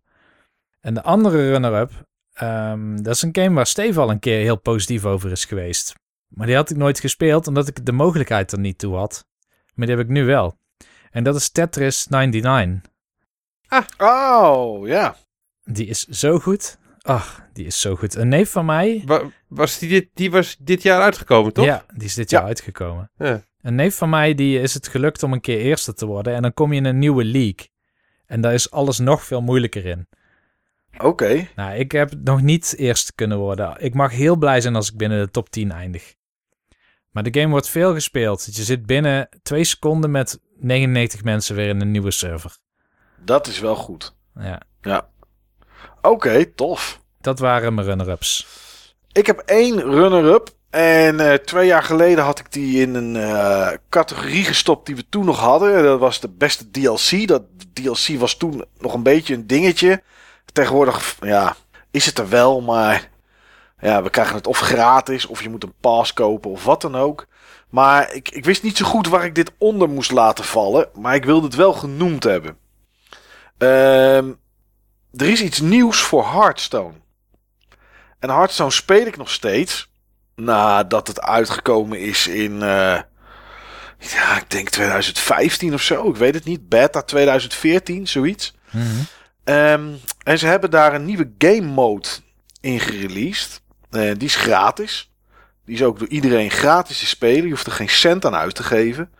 Ehm, er zijn wat extra's die je kan krijgen als je van de laatst uitgebrachte expansion 20 pakjes hebt gekocht. Maar dat mag ook met het gold dat je verzamelt in de game. Dus nog steeds hoef je er dan niks aan uit te geven. Ehm, maar het kan ook prima zonder. En dat zijn de Battlegrounds. En ehm, de Battlegrounds in Hearthstone is een vorm van auto-chess. Ik weet niet of een van jullie het kent, auto-chess. Van naam. Van naam. Oké. Ehm Auto-chess wil niet zeggen dat het schaken is, maar je speelt het als schaken. Wat er eh, ehm, League of Legends heeft, heeft zo'n vorm. Ehm, ehm, dat is Team Fight Tactics. volgens mij heeft Dota ook een vorm van auto-chess. nou ja, en Hearthstone heeft het ook. De Battlegrounds wil zeggen dat je niet zelf vecht, maar je prepareert je board, dus je minions die je daar neerzet, tussen de rondes in. Als je de game uh, voor de eerste keer opstart, heb je drie muntjes. En het kopen van een minion kost drie muntjes. Dus je kan één minion kopen van uh, uh, Bob. Bob, dat is de eigenaar van de tavern, van de, van, de, van de bar waar je elke keer terugkomt. En uh, dat poppetje koop je en die plaats je op het speelbord. Nou, dan is je tijd voorbij. Dus de wachttijd tussen de rondes in. En dan gaat het poppetje wat je gekocht hebt, dus de minion die op het bord staat, gaat automatisch vechten tegen die van je tegenstander. En de tegenstander, dat zijn zeven andere echte spelers. Dus je gaat met acht spelers, ga je een potje in. Nou, je wint of je verliest. En afhankelijk daarvan krijg je schade. Je hebt 40 levenspunten en als die op zijn, dan is het over. Dan, dan lig je uit die ronde. Dan heb je, heb je verloren. Nadat die minions tegen elkaar gevochten hebben, en dat kan gelijk spel zijn, of je kan winnen of je kan verliezen, kom je terug in de tavern en dan heb je vier muntjes. Met die vier muntjes kan je of weer een minion kopen, maar dat is een minion van rank 1. Of je kan de tavern upgraden. Dat kost vier muntjes op dat moment. Dan kan je geen nieuwe poppetjes spelen. Want je hebt dan geen muntjes meer om een nieuwe, nieuwe minion te kopen. Maar je hebt nog wel minions staan en je tavern is geüpgraded. Dus de volgende keer dat je terugkomt in de tavern, na de volgende ronde vechten, dan heb je sterkere minions. Want de minions die er staan, die verversen zich elke keer. Um, je kan ze bevriezen, dat ze tussen de beurten door niet verversen. En je kan voor één muntje ze zelf verversen. Nou, het enige wat daar nog bij komt, is dat je de minions die je gekocht hebt terug kan verkopen aan Bob, aan de eigenaar van de tavern. En dan krijg je er geen drie muntjes voor terug wat het kost om ze te kopen, maar je krijgt er één muntje voor terug. En op die, die manier bouw je elke keer tussen de beurten door, dus tussen de gevechten door, bouw je een bord op. En dat maakt je dus steeds sterker. Als je drie gelijke hebt, dan uh, wordt die minion sterker. Stel dat je hebt een minion die doet één attack en heeft drie hitpoints. Maar um, um, geeft aanliggende minions twee attack. En je hebt er drie van. Dan wordt hij dus drie attack en zes hitpoints. En dan doet hij misschien de aanliggende minions niet twee attack, maar vier attack. Dan kan je een gouden maken. En dan kan je, krijg je een kaart om een minion uit een hogere tavern level te halen. Dan krijg je er drie te zien, dan kan je er één kiezen. Nou, op die manier bouw je je, um, um, bouw je, je bord op. En ga je elke keer strijden tegen de andere spelers. En dat is super leuk om te doen. Dat is um, uitdagend. Het is uh, soms frustrerend. Want de minions die elke keer verversen waar je uit kan kopen. Dat is een pool. En die pool die deel je met die andere acht spelers. En je, hebt, uh, je, kan je zou bijvoorbeeld voor een heel bord met Murlocs kunnen gaan. Of met Beasts. Of met Max. Maar als iemand anders dat ook doet. Ja, dan zit je alle twee een beetje in dezelfde pool. Zit je te vissen. Dus dan kan het soms wel eens frustrerend zijn. Dat er dingen zijn die je zou willen. Die je zoekt. Ja, en die zitten er gewoon niet in. Want die zijn al door iemand anders in beslag genomen. Ja, dat, dat maakt het wel eens frustrerend. Maar het is super gaaf om te doen. Uh, het is echt, nou ja, het is wel wat Hearthstone nodig had. Uh, denk alleen wel dat het een jaar te laat komt. Want het is behoorlijk, behoorlijk ingekakt. Uh, de tijden dat als er een nieuwe uitbreiding kwam, dat er meer dan 100.000 mensen naar bepaalde streamers zaten te kijken, die pakjes gingen openmaken en nieuwe decks gingen bouwen, die is echt wel geweest. Uh, die streamers moeten nu geluk hebben als er 20.000 mensen zitten te kijken. Ook naar de wereldkampioenschappen kijken op zijn max 30, 35.000 mensen. En dat zijn er ook wel eens 150.000 geweest op Twitch. Dus het is wel, het is wel ingezakt, Hearthstone. Maar ja, dit is echt een super gave modus. Uh, zoals gezegd, je hoeft geen enkel pakje te kopen. Je kan het gelijk spelen. Uh, iedereen kan het spelen. Het is gratis. En uh, ik snap dat mijn uitleg, zeker omdat je het niet visueel voor je hebt, misschien wat lastig is. Maar als je enig interesse hebt, eh, zou je het echt eens een keertje moeten proberen. Hearthstone is gratis, Battlegrounds zijn gratis. En het is echt heel tof om te doen. Enige nadeel is, het is niet even een potje. Ja, als je verliest, als je als uh, gelijk eruit ligt, als achtste, dan, dan is het meestal vrij snel gedaan. Maar een potje kan zo een half uur, drie kwartier duren, zeg maar. Ik zal niet vertellen over hoe het aanvallen gaat en dat soort dingen. Dat is allemaal niet zo boeiend. Um, en als je bij de top 4 eindigt, dan krijg je punten erbij voor een ranking. Je begint op 4000. inmiddels zijn er professionele Hearthstone spelers, om het maar zo te noemen. Die zitten op 11.500 punten in rankings. En als je verliest, als je bij de onderste 4 hoort, nummer 8 tot en met 5, afhankelijk van hoe laag je eindigt, gaan er weer punten af. En zo word je een beetje gematcht met de mensen die uh, dezelfde ranking hebben. Super tof. Battlegrounds voor Hearthstone. Zeker iets dat ik uh, kan aanbevelen om een keertje te proberen. Ik denk ook dat, want het is inderdaad lastig natuurlijk als je zoveel details van zo'n game en hoe die werkt, zeg maar, noemt om ja. een beeld te vormen van is dat dan iets voor mij? Maar volgens mij spreekt dit mensen aan die bijvoorbeeld vroeger Tower Defense ook heel leuk vonden. Zeker, ja. Ja, ja, ja. Want omdat ja, je plant van tevoren en kijk, je weet niet wat, het, wat de tegenstander doet. Um, um, als ik net tegen. Je kiest ook een hero en die hebben bepaalde krachten uh, die je kan gebruiken. Dus elke hero heeft weer eigen mogelijkheden. Ze zijn redelijk aan het ro uh, roleren met die heroes. En ook met kaarten die er wel en niet in zitten. Dus ze houden het behoorlijk vers. Dat maakt het ook leuk. Um, maar inderdaad, ja, je, gaat, je probeert zo, zo goed mogelijk met je resources om te gaan. Om, om een goed board neer te zetten. Ja, en dan kom je een tegenstander tegen. En dan is het maar te hopen dat die niet uh, een, bord heeft dat je gewoon helemaal gesloopt wordt.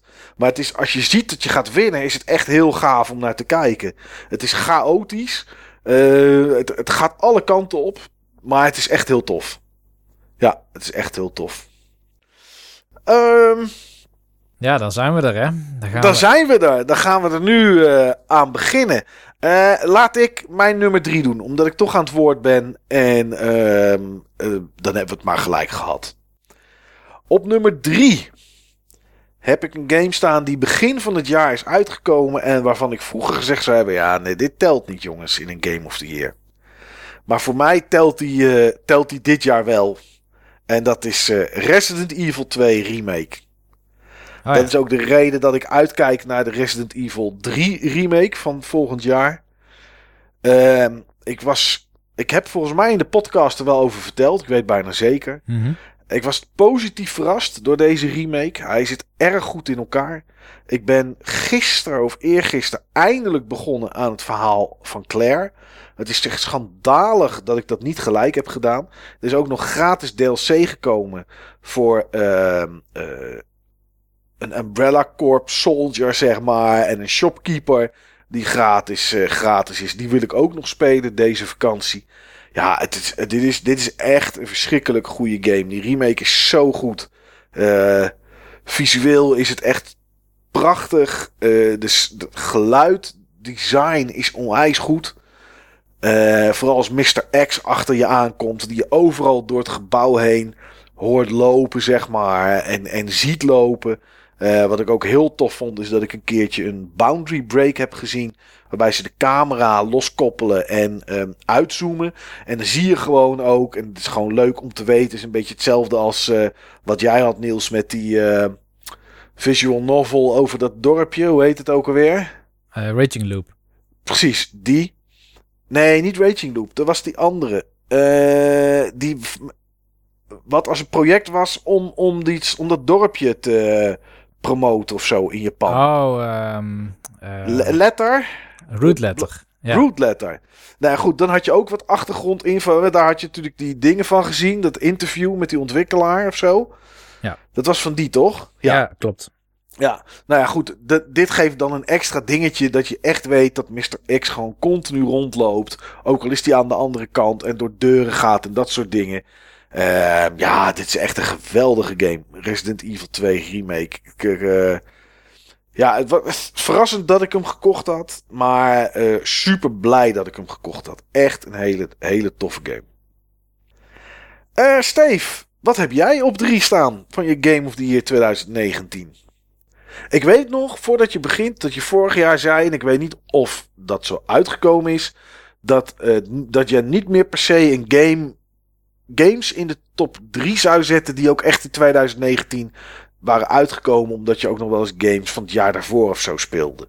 Klopt, maar ik heb vooral games gespeeld die dit jaar zijn uitgekomen. Oké, nice. En ik heb het gevoel dat ik een representatieve top 3 kan geven. Nou, dan ben ik benieuwd. Wat staat er op nummer 3? Op 3 staat Tetris 99. Ja. Netjes. Het is gewoon een bijzonder goed spel. Het is Tetris. Ja. Maar het is zo mooi vernieuwd. Ja, die zag echt niemand heel, aankomen. het is, het is heel hè? toegankelijk. En ehm, ja, het is wel een game waar je ook echt, echt super goed voor moet zijn om hoog te komen. Ja. Maar iedereen kan ermee beginnen. Ja, en gevoel het- maken. En gevoel hebben, denk ik, dat je progressie maakt. Ja, zeker. Ik, ehm, ik heb er echt van genoten in de eerste maand dat die game uitgekomen is. Toen heb ik regelmatig zeg maar marathonavonden gehad met vrienden hier over de vloer. Controller doorpassen, kijken hoe ver we konden komen. En op een gegeven moment was ik achtste geworden of zo. Ik voelde me helemaal een mannetje. Ja, dat is gaaf.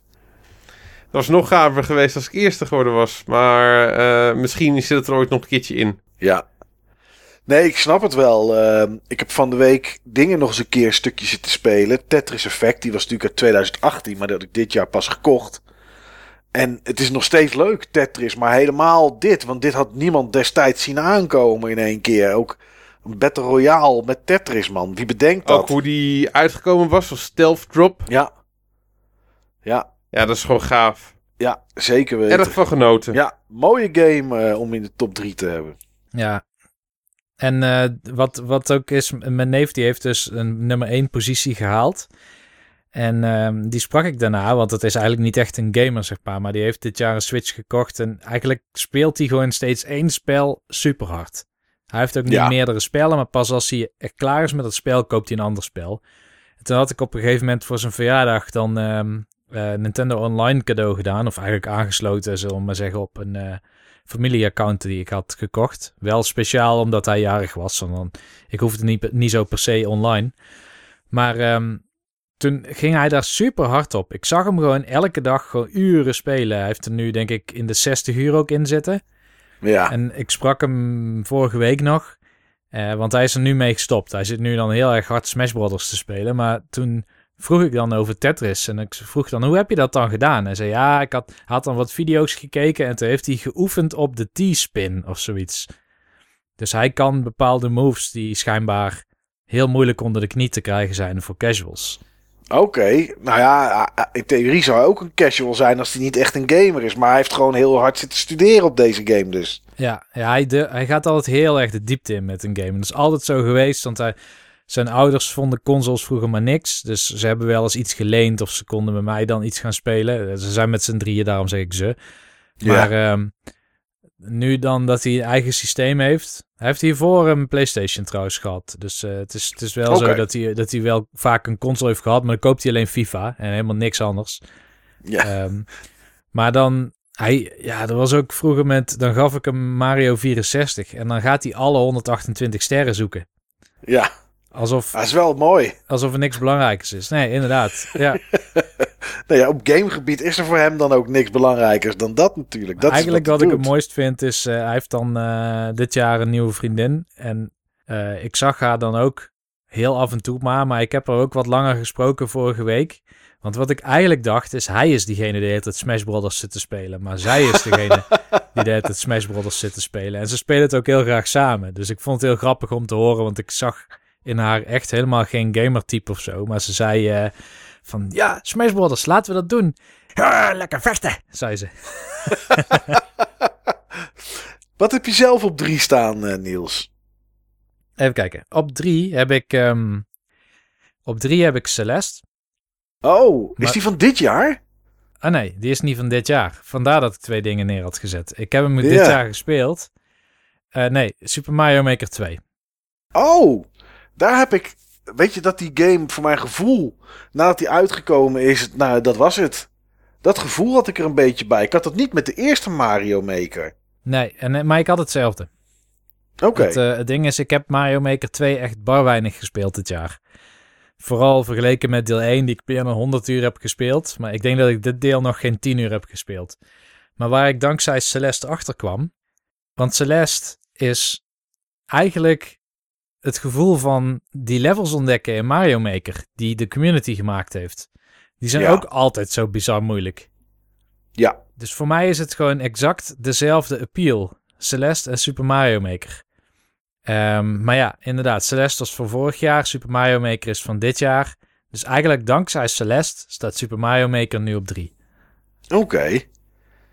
Ja, nou ja, snap ik wel. Ik, ik, snap wel dat het voor de rest... Er is laatst een update geweest, toch? Of met iets met Zelda-figuurtjes? Ja. klopt. Je kan nu, um, je kan nu Link worden. Uh, ja. Met uh, Zelda 2 moveset.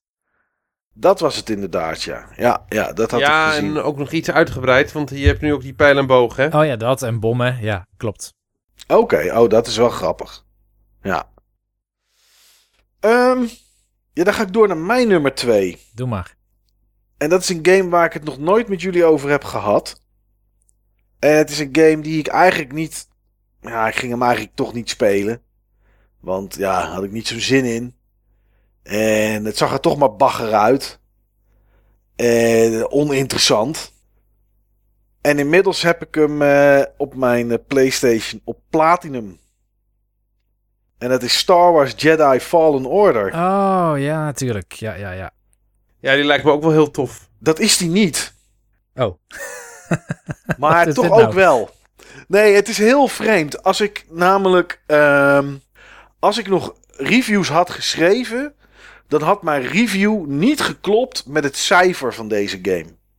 Want wat is er namelijk allemaal mis aan Star Wars Jedi Fallen Order? Veel. Bijna alles. Bijna alles is er mis. Um, laat ik als eerste, en dat doet helemaal niks bijdragen aan. Maar ik vind het toch gewoon leuk om te zeggen. Want uh, fuck dat.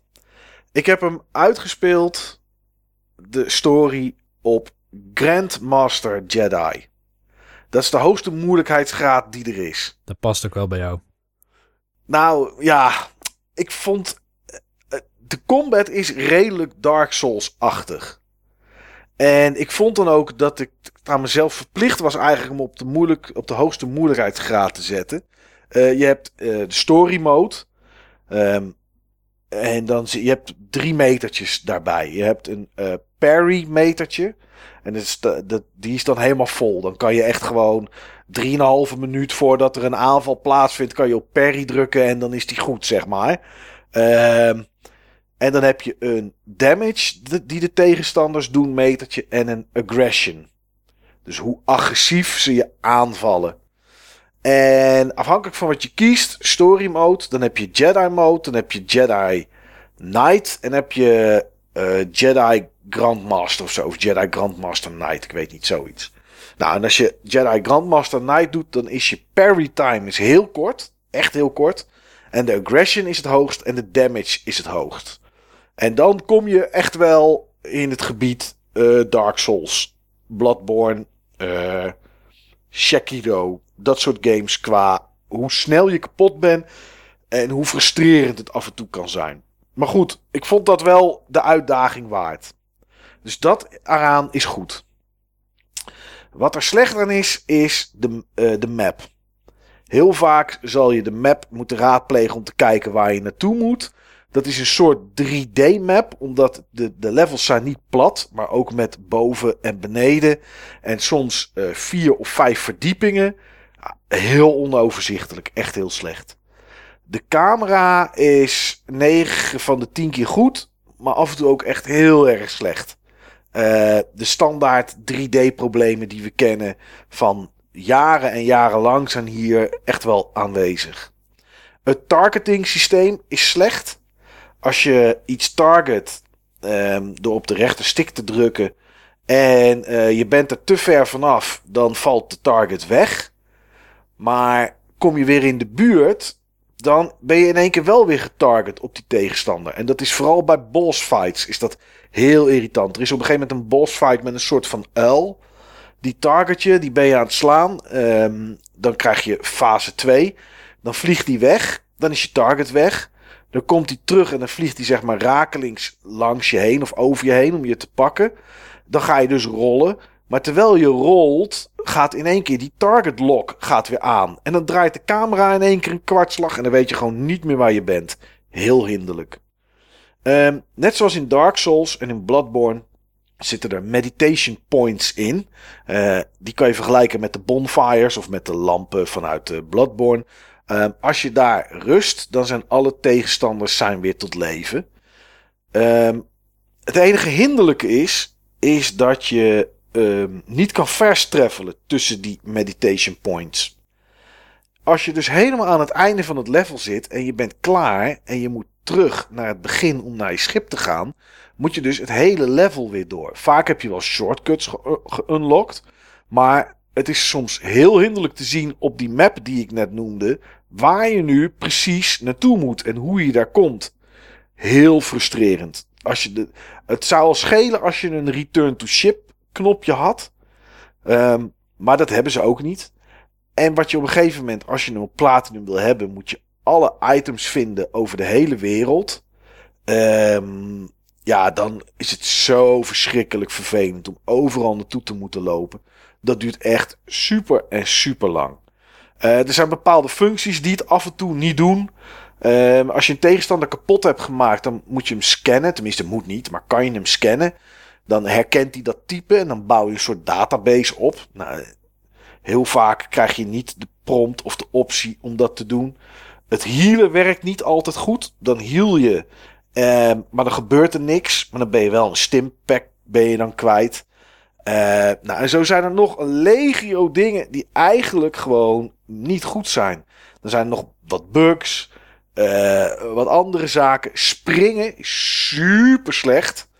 Um, soms moet je springen, moet je een liaan in de lucht grijpen. Met je forcekrachten doorslingeren naar de volgende.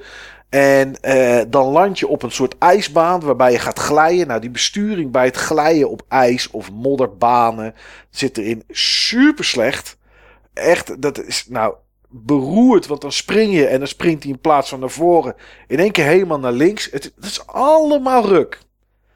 Maar toch is het een toffe game.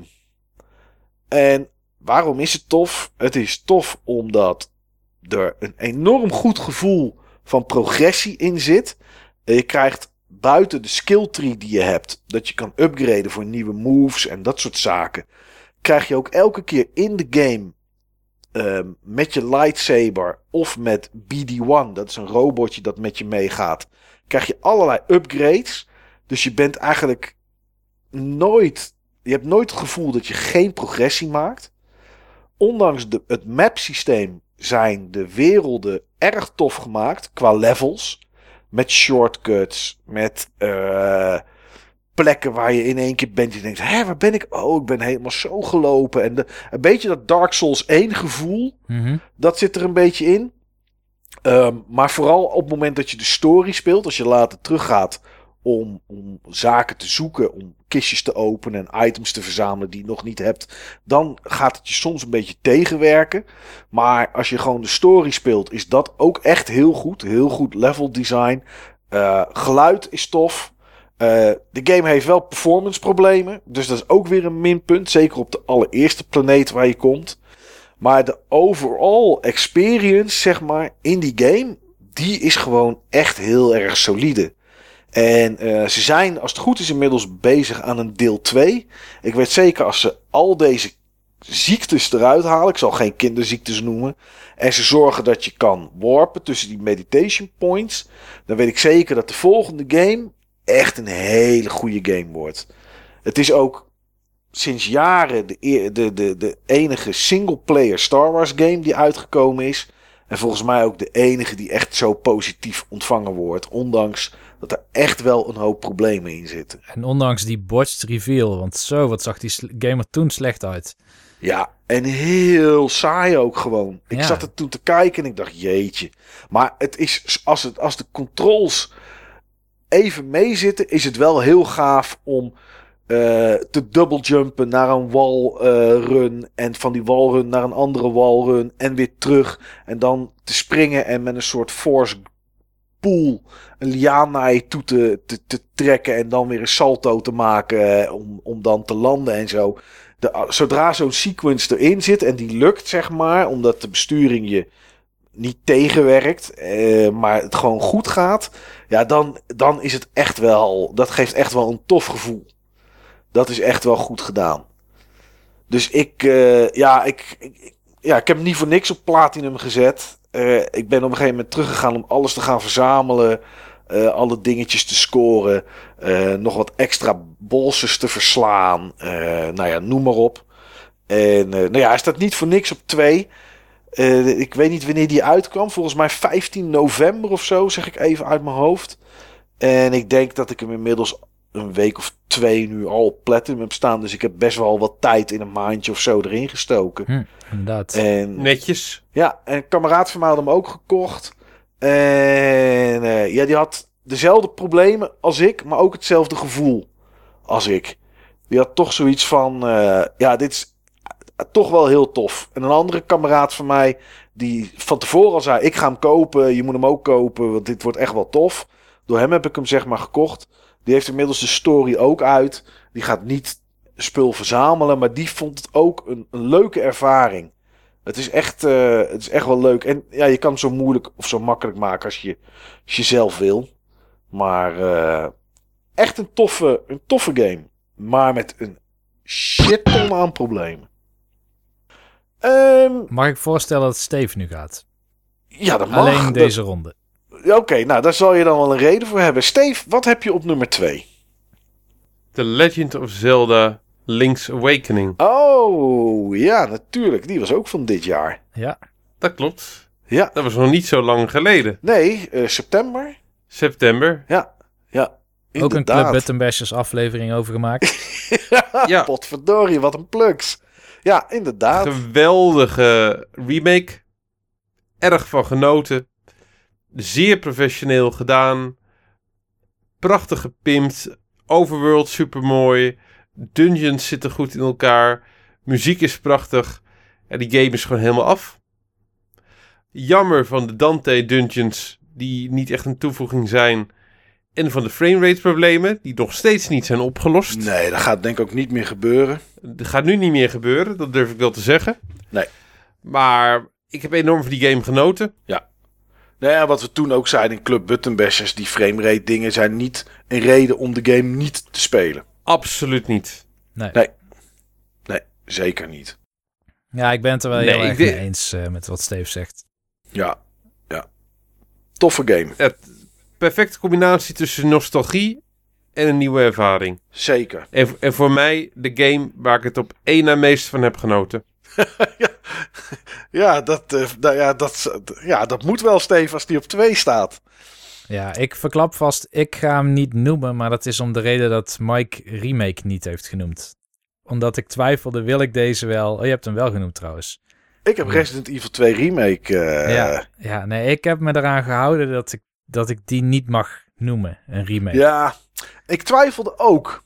Maar ik wilde remaster. Als de remaster was geweest van Resident Evil 2, heb ik hem zeker niet genoemd. Nee, remake is wel iets anders inderdaad, ja. Maar dit, dit, dit lijkt... Dit is alleen het verhaal en misschien uh, wat puzzels. Maar voor de rest lijkt het in de verste vette natuurlijk niet meer op Resident Evil 2. Nee. Maar, uh, nou ja, goed. Nou, dan ben ik nu benieuwd, ben, benieuwd, Niels, zo moet ik het zeggen. Ja. Waarom jij vroeg of Steve eerst kon. En wat is jouw nummer 2? Ja, mijn nummer 2 heb ik het nog niet over gehad. Daar ben ik pas redelijk recent aan begonnen. Oké. Okay. Ik dacht dat je het misschien wel kon weten, Mike. Maar op nummer 2 staat The Outer Worlds. Oh, die is ook dit jaar uitgekomen inderdaad. Die natuurlijk. is ook dit jaar uitgekomen. Waarom heb jij hem op 2? Omdat uh, dankzij Game Pass ben ik hem gaan spelen. Het was een van de ja. eerste games waar ik aan wilde beginnen in mijn vakantie. Ik heb hem nog niet helemaal uit. Um, mm -hmm. Ik heb wel het idee dat ik het einde nader. Ik heb behoorlijk wat, uh, of ja, behoorlijk wat valt eigenlijk wel mee. Je hebt eigenlijk, laten we zeggen, drie grotere plaatsen waar je kan komen en wat satellietjes, zullen we maar zeggen. Ja. Ehm, en eh, daar ben ik nu bij alle drie geweest, de grote. En de sidequests die nemen wel naast wat satellietjes, zeg maar. Maar dit was een game die de eerste twee uur enorm tegenviel. En ik dacht, ik stop ermee. Dit wordt hem gewoon niet. Ja. De eerste twee uur vond ik zo beroerd. Nou, ik, um, ik uh, landde op die planeet. Uh, ik weet even niet meer hoe die heet. Die eerste waar je komt. Weet ik ook niet meer. Waar, met Edgewater, die stad. Ja, ja, ja. En uh, de aanloop naar Edgewater vond ik helemaal niks. Gewoon het, het idee dat je heel lineair langs wat NPC's wordt gestuurd. En dan moet je praten. En dan moet je weer naar de volgende. En dan moet je weer naar de volgende. En, um, uh, ja, het is een beetje tutorial-achtig, maar net iets te lang. Het is net iets te lang. En um, het was allemaal wat geforceerd. Zeg maar. Dus ik had een karakter gebouwd met heel veel punten in intelligence en, en niks in andere stats. Nee. Dus ik kon eigenlijk normaal altijd iemand of uh, door middel van sarcasme iets laten doen, of liegen of overtuigen. Ik had altijd andere manieren om iets op te lossen. Maar het werd daardoor wel een beetje standaard zoals ik het deed. En ik kon echt niet overweg met die gunplay. Ik kan nog steeds niet richten, zeg maar, in het spel. Ik ben gestopt met de controller. Ik heb het maar weer met de muis gedaan. En dan doe ik met links, want daar is meer ruimte op mijn bureau. Maar dat is nog fijner dan met een controller. Ik krijg het gewoon niet voor elkaar om daar goed mee te schieten. Nee. Dus de controls vind ik ook tegenvallen. En wat ik tegen vond vallen is... Man, wat heb je overal veel nutteloze shit liggen in die levels. Uh, ja. Oh man, aanstekers, boekjes, uh, pudding, uh, flesjes drank waar je niks mee kan. Zeg maar, alles kun je oppakken zo'n beetje. Ja, dat is een beetje, dat is wel echt des Fallout natuurlijk. Alles om te verkopen, zodat je geld bij elkaar kan sparen. Alleen, ja, je hebt niet zo heel veel geld. No ja, dat hangt er vanaf. Dat hangt er vanaf. Er zijn quests die je op kan lossen met geld. Ja. Of met schieten of met andere dingen. En dan Shinty. Want dat merk je heel goed in dit spel. Alles kan op verschillende manieren opgelost worden. Er is nooit een noodzaak om. Nou, je, ik weet niet of je echt nooit kan. Uh, alles kan doen zonder te schieten. Maar voor mijn gevoel heb ik altijd verschillende keuzes. En kan ik wel, wat ook echt, wat mij betreft, roleplaying moet zijn. Mijn eigen intentie projecteren op het spel. Um, dus daarom heb ik ook gekozen voor die intelligent. maar mm. um, ik wilde gewoon proberen om op allerlei andere manieren die conflicten op te lossen. Niet guns blazing, zeg maar, die levels door te gaan. Of de nee. omgevingen, want levels zijn het niet echt. Maar toen klikte het. Toen ik erachter ja. kwam, dat, er zat een quest in. Um, uh, een uh, Ludwig, dat is een dude die staat op zo'n helikopterplatform. Dat is bij Edgewater. Ja. En die, die, heeft, uh, ja, die heeft een soort ideeën over een. Laten zeggen dat. Hij heeft het idee dat alle robots op een gegeven moment een opstand tegen de mensheid zullen gaan vormen. Ja, schitterende kerel. Ja, en um, hij, uh, hij is ook uh, de, de leider in zijn, van de Resistance. En de Resistance bestaat volgens mij ook alleen uit hem. Op dit ah, moment. Ja, hij is de enige. Ja. ja. En uh, dus hij, hij is ook bang voor een bepaalde schoonmaakrobot. Uh, die, of schoonmaakrobot, ik weet niet meer wat zijn functie is. Maar die staat ergens in een soort van scrap bay of zo. Hij zegt, ja, okay, dat is volgens mij een mechanic. Een, een, een automechanic of zo is dat, die robot. Ja, dat is hem. En die gedraagt zich al een beetje vreemd, vindt die Ludwig. Dus die legt dan uit van ja, je, je moet hem uitschakelen. Ga erheen, schakel hem uit. Dat is een missie, dan krijg je van mij iets. Um, er is een blauw lampje. Als je dat raakt, dat is een zwakke plek. Dus zij legt ook uit hoe je dat moet doen. Dus ik ging naar die, naar die robot toe.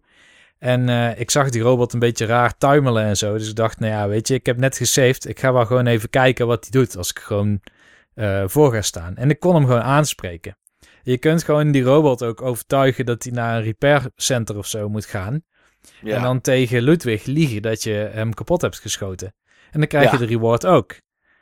Ja. En de reward is dan dus ook zo wazig iets. Dan, dan zegt hij, ja, ik heb een pakketje. En die heb ik verstopt achter het toilet. En ga die maar eens zoeken. En dan moet je naar zo'n toilet in zo'n zo'n bar, zeg zo'n maar. bar, ja, ja. Van Edgewater. En, en, dan, ja, ik weet al niet meer wat het was. Maar gewoon überhaupt dat soort humor, dat soort dat dingen die je moet doen. Maar dat was ook nog wel naar verwachting, zeg maar.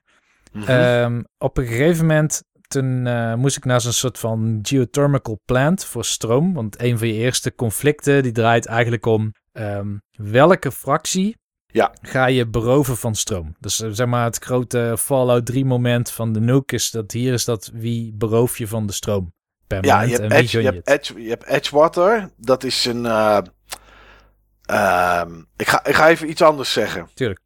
Eh, die Outer World staat bij mij op één. Dat had ik verwacht en daarom wilde Ja. ik Ja, eh, net voor jou, want dan konden we het gewoon combineren. ja, dat is mijn Game of the Year. En ik ga zo één voorbeeld die jij nu nog niet genoemd hebt, maar die wel in de buurt van Edgewater is noemen waarom, eh, ja, waarom dit echt geweldig is. Eh, maar het klopt, je hebt een missie van een powerplant en de stroom die kan twee kanten op. Die kan richting Edgewater en Edgewater heeft eigenlijk meer stroom nodig om meer te produceren.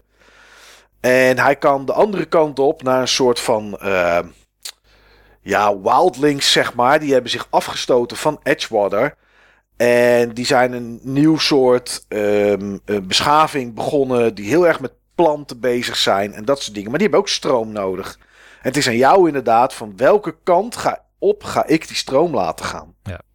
Dat klopt. Ja. En beide zijn goed. Hè? Je, beide leiden gewoon tot een volgende stap in het spel. Ja. En het is niet zo dat die keuze heel gemakkelijk is. Want aan de ene kant kun je zeggen, ja, Edgewater, er, dat wordt echt geregeerd, zeg maar, door een commercieel bedrijf. En, eh, Heel commercieel. heel commercieel en de, de producten van het bedrijf deugen eigenlijk niet. En de manier waarop ze met werknemers omgaan deugen eigenlijk niet. En niemand... Dat vind ik zo schitterend, jongen. Dat is het voorbeeld wat ik wilde noemen. Als je aankomt bij Edgewater de eerste keer, is er voor Edgewater is een begraafplaats. En daar, Oh, is een, daar is een kerel, is daar graven aan het, aan, aan, het, aan het maken. Maar die graven die kosten geld om daar te liggen. En ehm, dat, dat geld, dat moeten de mensen al betalen op het moment dat ze leven. Ze moeten een soort van plekje reserveren. Maar die mensen, en zo commercieel is het, ehm, die zijn eigenlijk geen eigendom van zichzelf. Die zijn eigenlijk eigendom van, eh, van het bedrijf wat daar zit. Want als ze ziek zijn, dan moeten ze betalen aan het bedrijf, omdat dat een soort broodroof is van het bedrijf. Ja, Ah, dat is toch geweldig bedacht, man. Wat een kapitalisme. Ik Ja. vind dat echt schitterend. Mensen gewoon, ja, je bent ziek, dan krijgen ze. Er zit, er zit daar ook een kwestie in met medicijnen. Dat er iemand zegt: kan je medicijnen voor me halen? Dan, kan je, heb je de keus of je die geeft aan die kerel die ziek is, maar die is al wat ouder en die werkt niet meer. Of dat je die geeft aan iemand anders ehm, die nog wel kan werken. En dan, dan wordt je standing met de bedrijven uit Edgewater wordt beter. Omdat Edgewater dat zelf ook doet. Als je logs leest uit computers, geven ze medicijnen, geven ze liever aan mensen eh, die harder voor ze kunnen werken dan mensen die minder hard werken. Want die zijn gewoon meer waard. ja. Ja, dat is echt heel gaaf. En tegelijkertijd, zeg maar, die, die, die andere beschaving, Ja, die, die geeft een hele goede eerste indruk. Hè? Want, eh, wij, Zeker. Wij, wij geven een andere invulling aan het bestaan. Wij kijken hoe we om kunnen gaan met, eh, met de natuur. We, zijn, we hebben niet zo'n bedrijf wat ons probeert te onderdrukken. Maar ja, ondertussen, de leider daarvan spoort ook niet helemaal. nee, Ehm, de- je hebt heel veel ehm, marauders, noemen ze die. Dat zijn eigenlijk ook weer afsplitsingen van die afsplitsing. En het zijn dan weer, eh, ja, eigenlijk is dat dan weer. Het is ja, het zijn een beetje de bandietenachtige. ja, het is niet eens een fractie officieel, zeg maar. Maar Nee. het zijn echt mensen waar je, als je ze tegenkomt, dan wordt het schieten. Ja. Tenminste, dat is bij mij wel. Ja. En dat, dat is heel cool. En wat bij mij ook goed beviel was, in die geothermal plant voelde het heel erg als een goede Deus Ex. Waar ik ook gewoon kon sneaken als ik wilde. Ja, zeker, dat kan ook. Ja, En ehm, je hebt een, een soort vrijhandelszone, zeg maar het Hongkong van, eh, van deze Edge of the Galaxy. Het- speelt zich af op verschillende kolonies, zeg maar, van, van de aarde. De aarde Ja. wordt wel over gesproken, maar dat kom je niet. Maar die, ehm, volgens mij heet dat Groundbreaker of zo. Dat is gewoon zo'n heel groot schip is dat. schip. Ja, ja. Ja, en dat is eigenlijk een beetje de haven, zeg maar, van al die koloniën. Dus wordt er handel gedreven, gaat altijd via hen. En eh, dat, daar zijn wel wat politieke strengelingen. Dus ze proberen ook eh, nog steeds ehm, vrij te zijn, zeg maar, voor zolang dat lukt. Maar eh, ja, wat ik daar heel erg cool vind, is aan de ene, het ene moment, dan sneak je over de daken van, van die, eh, van die gebouwen daar. Want als je een bepaalde hacking skill hebt, dan kun je misschien een deur unlocken en kun je ergens een dak op klimmen. En dat kom je alleen maar tegen als je die skills hebt gekozen aan het begin van het spel. Ja. Terwijl het andere moment, dan uh, sta je uh, in een bar liefdesadvies te geven aan een vrouw die gevoelens heeft voor een andere vrouw. Ja. En ja. die dichotomie, gewoon die verschillen, al die niveaus, die, dat hele persoonlijke met die NPC's. En ook die NPC's die dan afhankelijk van wie je bij je hebt. Je hebt ook nog de keuze uit een aantal NPC's die je misschien hebt gerecruit gedurende het spel. Maar die geven je ook allemaal ongevraagd advies overal over. Ja, of ze gaan zelf in één keer een gesprek beginnen met, uh, met, met andere NPC's. Ja. En daar kunnen dan ook weer quests uitkomen. Ik heb hem gespeeld zonder uh, companions omdat ik dat nooit zo tof vond. Dus ik heb hmm. hem zeg maar alleen gedaan. Daardoor heb ik wel wat sidequests gemist, weet ik. Want um, ja, ze, ze, geven je, ze geven je soms ook sidequests. Um, maar ja, wat een game, man. Ik heb hem, uh, denk ik, binnen drie dagen toen uitgespeeld. Heb ik er iets van 24 of 25 uur in gestoken. Dat is, dat is een ding. Het is niet super groot. Uh, het is geen hele lange game. Dat is een voordeel, denk ik. ik vind, nou, denk ik ook wel hoor. Want er is één planeet. En ik weet eventjes de naam van de planeten, weet ik niet meer. Um, en dat is een planeet met twee landplekken. Ja, ja. En um, wat er is dat Stella 2 of zo? Ja, dat zou kunnen. Zou kunnen dat het, dat, dat de naam is. Uh, het, het ding is dat er is een. Je moet een item hebben van een vrouw om uh, verder te komen in het verhaal. Die kan je kopen met 10.000 credits. Nou, die had ik niet. En dan zegt ze van, nou, ik heb wel een missie voor je. En dan moet je drie items verzamelen. Die drie items kan je dan verkopen. En daar kan je dan weer, um, um, daar krijg je dan weer geld voor. En dan zou je dat item van haar kunnen kopen. Twee heb ik er verkocht. En de derde was een, een nieuw soort wapen. En ik vond dat te listig als dat op de markt zou komen. Dus ik heb de, ik heb de, de, de questgever daarvan heb ik omgebracht. En het wapen heb ik zelf gehouden. Maar daardoor had ik niet genoeg geld om dat item van die vrouw te kopen. En als je dat item niet had, dan moest je dus bij die andere planeet, bij die, die Stella 2 of zo inderdaad, kon je dus niet naar de normale landingsplatform, want daar mocht je dan niet verder. En dan moest je dus naar een ander stuk van die planeet. Maar daar had je weer veel meer tegenstanders. Dus het maakt niet uit wat je doet, wie je neerschiet. Er is altijd een manier. Ja. Er is altijd een manier. Je kan niet vastkomen te zitten. Er is geen foute keuze. En zelfs als je uh, aan, het begin van de game, dan is er een, er is een schip. Ik weet even niet, niet eens meer hoe het heet. Ik ben al die namen kwijt, mijn excuus. Uh, er is een schip, daar zitten, wat zo begint de game, er zitten 10.000 mensen volgens mij bevroren op. Of in ieder geval iemand in cryo-sleep. En die is onderweg ergens naartoe naar een nieuwe planeet om daar te koloniseren. Nou, er gaat van alles mis. En jij bent de enige van dat schip die tot leven gewekt wordt. Maar dat schip is er nog. En op een gegeven moment in het verhaal kom je op dat schip weer. Als jij je intelligentie super, super laag zet. Dat je echt een soort van domme, domme brute kracht speelt dan heb jij de keus om dat schip te gaan besturen. En dan vaar je zo recht de zon in. en gaat alles en iedereen dood, inclusief jezelf. En heb je hem alsnog uitgespeeld. Ja. Ah, dat is geweldig. Dat, is echt geweldig. Dat is tenminste roleplaying. Dat ja. is iets wat uh, die Japanse games nog uit moeten vinden. Ja. Nee, die Outer Worlds is echt een geweldige game. Ik heb ik heb het echt met veel plezier gespeeld. Uh, ik had echt het Fallout New Vegas gevoel. Qua keuzes die ik kon maken. Uh, sommige situaties zijn twee oplossingen voor. Sommige zijn er drie of vier voor. Uh, ja, personages zijn tof. Ehm, eh, alles eigenlijk. Ik vind, ik vind echt gewoon een hele toffe game. Maar goed. Ja, een grappig aspect vind ik ook nog wel dat je, eh, stel bijvoorbeeld, ik kreeg uh, redelijk veel plasma damage, bleek. Ja. En dan stelt het spel op een gegeven moment voor, oké, jij kan gewoon niet goed tegen plasma damage. Nee. Laat dit gewoon een zwakte van jou worden. Weet je wat? Je krijgt van ons één extra skill point. Ja, Als je extra damage wil, durft te ontvangen van plasma damage voor de rest van de game. En zo heb je veel meer van dat soort dingen. Ja, dat klopt. hey, eh, wat denk je ervan als we jou eh, sneller kreupel maken, maar je krijgt er wel twee experience of twee eh, punten voor? Vind je dat niet wat? Nee, dat vind ik niks. dat Nee. vind ik te link. Ja, Maar ja, er eh, is een expansion aangekondigd, geloof ik. klopt. En hij komt naar de Switch eh, dit 2020. Ja, ik ben Ja. benieuwd van hoe ze dat gaan doen. En wie dat gaat doen. Eh, Virtuous gaat dat doen. De studio die ook die Ubisoft game van dit jaar met die Star Fox licentie erin heeft gepoord en de Dark Souls Switch versie heeft gedaan. Oké. ja, die is volgens mij wel goed op het geluid daar. Ja, Dus ik, ik verwacht wel een goede poort hoor. Ik heb ook een interview met die studio gelezen. Er zitten veel mensen in. Het is echt een grote studio. Ik dacht dat er 800 man of zo werken. zo dan. Maar ze zitten ook in een aantal landen en ze doen heel veel projecten. Ze zijn ook al met de volgende consoles bezig en zo.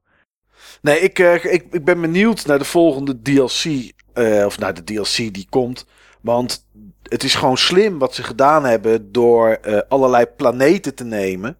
Want ja, je kan er zo twee of drie planeten bij zetten en daar, en daar een, een verhaal verder op doen.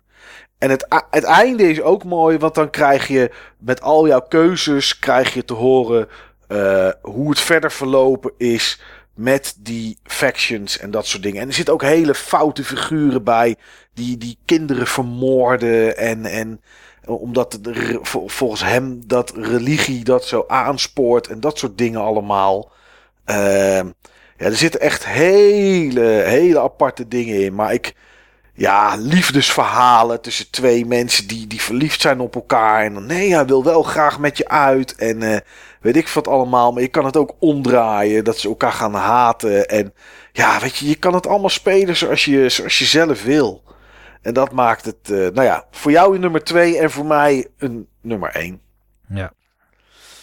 Ehm, nou, Niels, nu je toch aan het woord bent, want ik ben benieuwd naar Steve's nummer 1. Dat is meestal een verrassing namelijk. Ben Mhm. ik wel benieuwd naar jouw Game of the Year. Wat staat er bij jou op 1? Ja, dat is een game waar ik het heel weinig in de podcast over heb gehad. Maar Emiel heel veel. En dat was eh, Dragon Quest Builders 2. Builders 2. Ja, dat dacht ik al wel dan. Ja, en, maar dit is, dit is een combinatie van de game en een combinatie van de mensen die er waren die het toen ook speelden. Want ik denk dat dit zo'n spel is ehm, waar je met elkaar over wil praten, over wat je aan het doen bent. Of misschien elkaar wil laten zien wat je hebt gebouwd of zo. Eh Emiel was iemand die dan heel creatief is en die, die, die stort, honderden uren in die game om de mooiste kastelen zeg maar helemaal te ontwerpen en juiste materialen ervoor te vinden. Dat ben ik niet, hè. Ik ben zo'n zo'n critical path eh, gamer die loopt te minmaxen tot hij zo snel mogelijk bij het eind is. Ja, Maar dat kan ook. Dus je- het is ook een game, beetje net als wat dat betreft, eh, net als The Outer Worlds. Met veel vrijheid, met veel manieren van op je eigen manier, zeg maar, je, je gameplay ervaring inrichten. Eh, een hele meaty single-player ervaring is het sowieso met een campaign met heel veel quests en, en eigenlijk wel wat je mag verwachten zeg maar van een, eh, van, van een roleplaying game, een Japanse roleplaying game aan structuur. Dus het voelt echt eerst als een roleplaying game en dan pas als een building game. ja. Niet andersom. Het is geen building game met toevallig wat roleplaying aspecten. De eerste game was zo. De tweede game die heeft wel duidelijk zeg maar de roots in, eh, in de Dragon Quest structuren en gameplay die je ervan mag verwachten. Ehm, en ik vind hem beter dan 11. ja oké. Nou, mooi.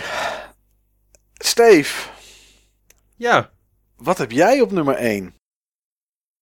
ik wil het hebben over een zeer originele game. Een game die ook is uitgekomen weer voor de Nintendo Switch. Mhm. Een game waar specifieke hardware voor nodig is om hem mee te spelen. Ah, En die zo ook al, zeg maar, voorbij gekomen is in deze uitzending. ja. Een game waar ik lang over gesproken heb in een recente aflevering. Ja. En die Niels ook gesproken heeft. Hmm. Ring Fit Adventure. Ja, Want dat is namelijk mijn honorable mention. er moest wel weer iets komen, want het is Steve. ja.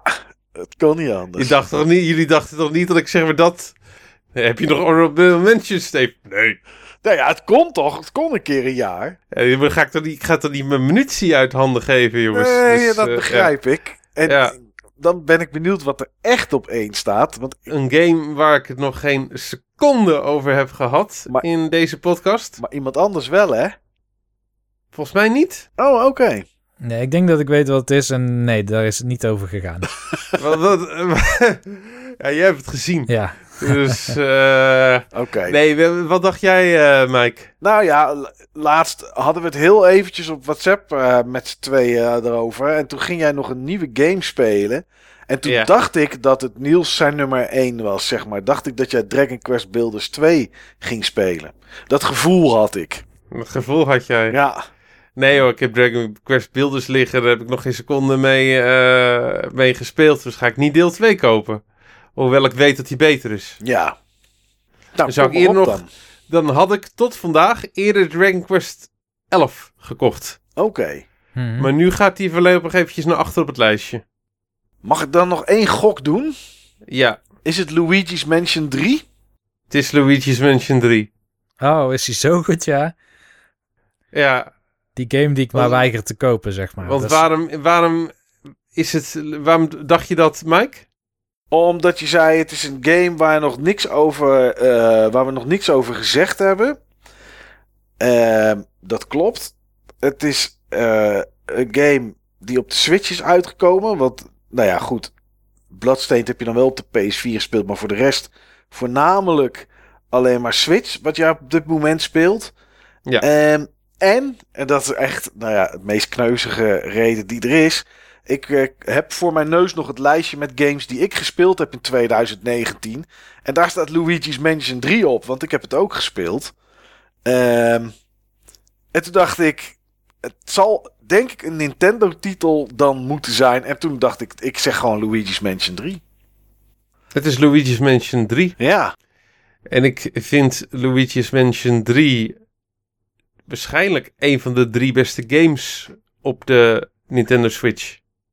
Oké. dan ja, eh, goed, wat ik zei, ik heb het ook gespeeld. Maar dan ben ik benieuwd waarom.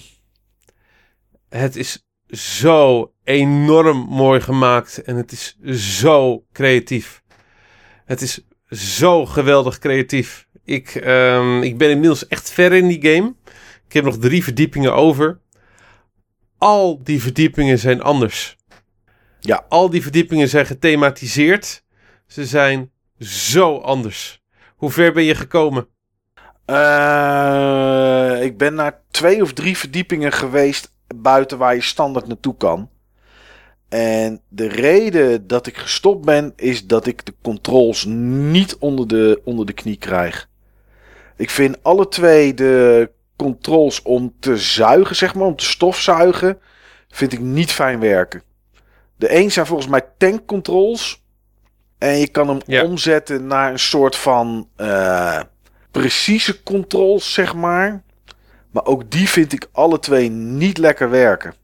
Ik vind de controls ook niet fantastisch. Maar je went er wel degelijk aan. Ja, Ehm dan moet je gewoon eventjes doorheen. ja, Ik moet zeggen, het stoort niet. Eh, Je hebt het voor de gevechten niet nodig. Uitzonderingen daar gelaten. mhm, En de puzzels kun je gewoon heel goed oplossen eh, met de controls die je hebt. ja. Nee, ja, ik, ik, had het, ik had het gevoel dat die controls me echt aan het tegenwerken waren. Ik kreeg het gewoon niet lekker. En dat vond ik wel jammer, moet ik zeggen. Want wat jij zegt, de creativiteit. ehm, die, die, die spatten vanaf. Gewoon in het begin al. Geesten die van de ene Ja. kamer naar de andere gaan. Die je achterna zit. En nou ja, weet. Joost mag weten en je hebt gewoon nog zit. niks gezien. Nee. Eh, je hebt echt nog niks gezien. Het wordt gewoon, met de verdieping wordt het gewoon gekker.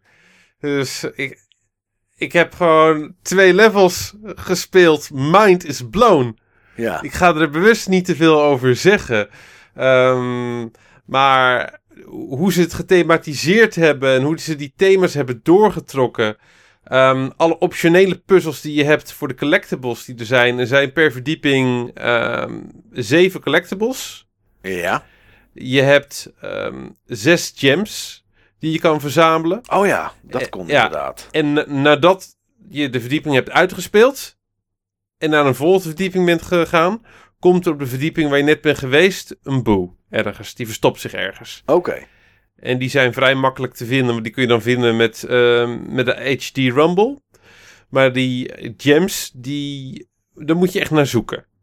Ja. Je kan de locatie van gems kan je overigens ook kopen. Oh, vandaar Met dat geld. je zoveel geld... eh, want Ja, is echt dan geeft bakken met geld is het Ja, te vinden. dan geeft hij het aan op je map. Oké, daar is Dus het voor. eh, ja, je, kan, ehm, je kan extra levens kopen. Bones. Mhm. Locatie van, eh, van geesten, van, van boos. Nou, die heb je echt niet nodig, want dan moet je gewoon eventjes rondlopen. Eventjes, zeg maar, ehm, naar, je, naar je Rumble luisteren en dan, dan vind je ze zo. En gems. Ehm, ik vind het leuk om eerst, zeg maar, over een verdieping te lopen en eh, overal aan te shorren, overal interactie mee te hebben, goed na te denken of er iets opvalt. En op die manier te kijken hoeveel gems ik kan vinden. Ja. Meestal kom ik op die manier wel tot, eh, tot eh, vier gems of zo. Vier, vijf gems. En voor de resterende gems kan je in plaats van dat je dat op gaat zoeken op YouTube en in een tutorial gaat duiken, kan je gewoon de locatie kopen en dan heel gericht zoeken. Ja, dat is een betere oplossing. Want als je eenmaal gaat kijken op YouTube, zie je ook andere dingen of wat dan ook. Dat is Exact. niet tof. Ja. Exact. Wat wel tof is, is Guigi. Ja, Guigi is een geweldige uitvinding. Luigi voor Smash, denk ik. Guigi die geeft zeg maar. eh, nou, ik, ik vermoed dat zeg maar in een volgende Smash. Luigi ook Guigi zal gebruiken bij, zijn, ehm, bij een deel van zijn moves. Ja, of een alt kostuum kan ook nog. Kan ook. Maar ehm Guigi geeft zoveel mogelijkheden in de puzzels. Dat je op die manier jezelf kan splitsen om. eh, of moet splitsen om bepaalde puzzels op te lossen. Be- Lu- Guigi kan bepaalde dingen doen die Mario, die Luigi niet kan. Mhm. Eh, door, ehm, door roosters, zakken, eh, door bepaalde hindernissen heen. Kan niet geraakt worden door, door pijlen en dat soort dingen. Ehm, En die is volledig bestuurbaar door jou als speler, Steve? die is volledig door jou bestuurbaar als speler. Oké, ja. Je, ehm, als Luigi valt als het ware in slaap. En, ehm, en dan eh, be- bestuur je, bestuur je Guigi. Oké. Lachen. Dus eh, dat heb je nodig voor heel veel puzzels. En de, de puzzels die je op die manier moet, eh, moet, moet oplossen. Ik noem, het- noem, noem het eventjes door met jezelf te co-oppen. Ja, Ja, die zijn echt gewoon heel goed. En die worden ook beter en beter. ja. Ja, ik was er al Daarnaast- bang voor. Daarnaast ehm, kun je Guigi... Dus vanaf het moment dat Guigi geunlocked wordt... is in principe de gehele game te spelen in co-op. Ja, dat, dat kan in het begin ook al, maar dan heb je, ben je bestuurt de andere persoon iets anders, toch? Of Weet zo? ik niet. Weet ik niet. Maar ik heb zeg maar ook eh, met, een, met een vriend twee levels gespeeld. Mhm. Waaronder per ongeluk het beste level tot nu toe. Dus eh, die wist niet wat hij meemaakte, joh. dus ik zei ook, ik zei ook, joh, je hebt ook echt geluk. Want dit is echt tot nu toe gewoon het beste level. En ik heb echt hele goede levels gezien. Ik ben geneigd om te zeggen dat het level design beter is dan Mario Odyssey. Hmm. Waarom ik, het, waarom ik het ook beter vind, de Mario... Kijk, de controls van Odyssey zijn natuurlijk superieur. Klaar. Ja. Die zijn pixel perfect. Maar, ehm, kijk, Mario Odyssey draait natuurlijk alles om die maandjes, maandjes, maandjes. En hier eh, heb je dan die gems als collectibles. Nou, volgens mij zijn er 14 of 15 verdiepingen. Ehm, keer 6 gems. Dus dan heb je, zeg maar, eh, een, een kleine 100 gems. Die je dan eh, moet verzamelen. Of rond de 100 gems. Nou, dat is goed te doen. Ja, ja. Dat, Dat, is, beter dan die duizend maandjes. Ja, Ja, ja een heel stuk weten. beter. En een be- Ja. iets behapbaarder eh, eh, grootte van, van level, zeg maar. Want die floors Ja. die, zijn wel, die kunnen wel groot zijn, maar dat is niet zo groot als zo'n hele wereld van Mario. Correctie. Oh, echt wel, ja? De floors die we tot nu toe gehad, die jij tot nu toe gehad hebt, die, eh, die zijn ehm, niet, niet zo groot. Maar ik ben in een floor geweest, die was net zo groot als een hele eh, wereld van Mario. Oh, oké. Dus eh, nee, het is echt een heel tof spel. Nee, maar de dingen die ik zag met schaduw eh, en dat soort dingen allemaal, dat deze in Odyssey natuurlijk ook wel een keertje. Maar dat je iets ziet wat er dan niet is, maar waar je wel de schaduw van ziet.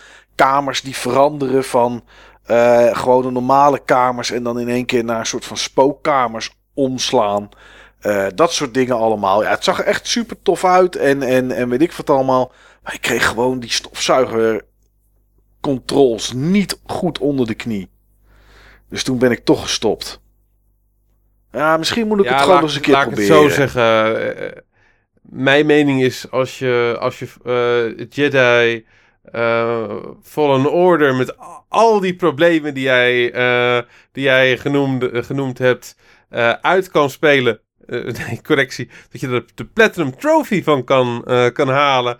En hem nog op twee eh, in je Best of the Year lijst kan zetten ook. Dan kan je hem ook, kan je ook Luigi's Mansion uitspelen met deze tank controls. Zit wat in. Zit wat in. Fair point. Fair point. Ja. Ik zal hem zo meteen. Nou, goed, het is nu bijna kwart voor twee. Maar misschien dat ik hem morgen nog wel eens een keer opstart, Steve. Ja, en Niels gaat hem gewoon fantastisch vinden.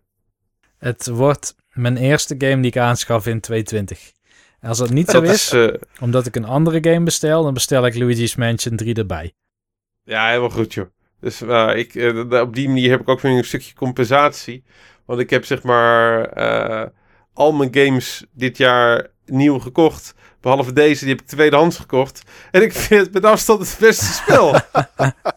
ik vond het echt heel lullig. Want ik verdien, ik, ik, ik, ik gun echt gewoon zeg maar die extra sale. Het komt natuurlijk niet op één sale aan. Nee. Maar eh, nee, het is echt een bijzonder goed spel. Hij doet het ook enorm goed, hè. Dus eh, het, het hangt echt niet op... eh, laat het zo zeggen, er komt een Luigi's Mansion 4 als, als sales doorslaggevend zijn om er één te maken.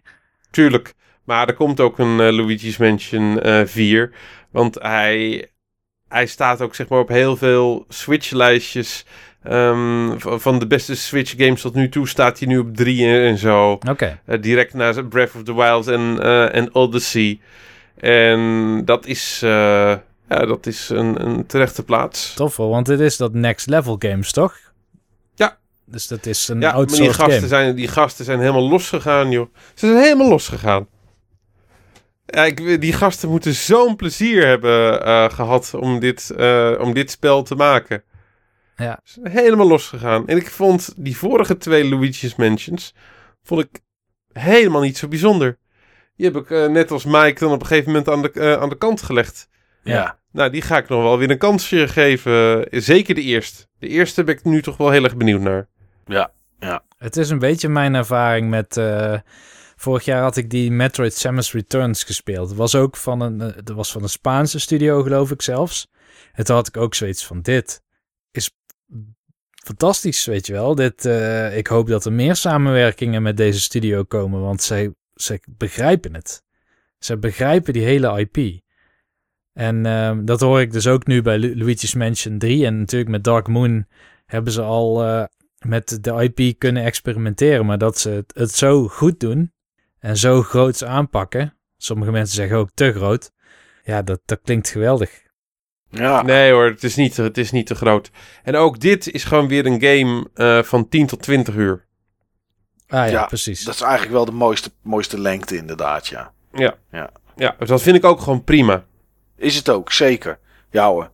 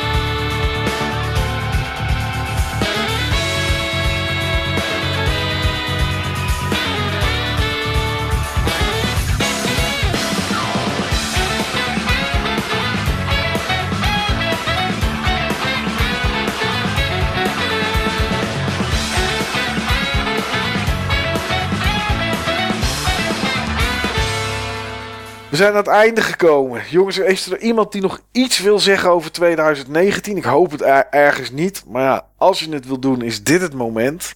Niels, heb jij nog iets over 2019? Ik heb veel hele gave games gespeeld. Nou. Dus ik kijk terug op 2019 als een goed jaar. Ook al waren er minder van die, zeg maar, van die Breath of the Wild of, of God of God Wars, weet je wel. Die, dan, die dan heel duidelijk de allerbeste zijn, zeg maar. Het is nu heel erg gespreid en dat er best wel veel hoge kwaliteit uitkwam. Maar daardoor voelde het ook alsof er niet een soort van tentpole release dit jaar was. Nee, nee daar heb je gelijk in. Uh, mensen zeggen 2019 was een beetje een een rustig jaar en 2020 wordt storm. Nou oké, dat ik denk wel dat het stormachtiger wordt in 2020 dan dat het in 2019 was. Ik zet mijn geld meer op 2021. Ja, dat denk ik ook. Tenzij inderdaad um, Zelda Breath of the Wild 2 uitkomt. Ja, met Last of Us 2, daar gaan mensen natuurlijk hard op. Ghost of Tsushima zullen mensen wel hard op gaan. Ja, ah, ik weet het ook niet. We gaan het zien, jongens. We gaan het zien. Uh, het einde van Buttonbashers aflevering 99b. Dat is waar we aangekomen zijn. Het einde van het jaaroverzicht opgedeeld in twee delen. Omdat het anders gewoon te veel en niet te behappen is. Mocht je alle tweede delen hebben geluisterd. Uh, of alleen dit tweede deel, omdat daar iets in zat dat je interessant vond en de rest niet. Dat kan. Uh, bedankt voor het luisteren. En uh, het enige wat we nog kunnen zeggen en moeten zeggen. Is een heel mooi, gezond, gelukkig, gamevol 2020. Uh, voor iedereen die je kent. En geliefde en naaste en dat soort dingen. Uh, wij zwaaien af. Het is mooi geweest. Bedankt voor het luisteren. En tot de volgende keer.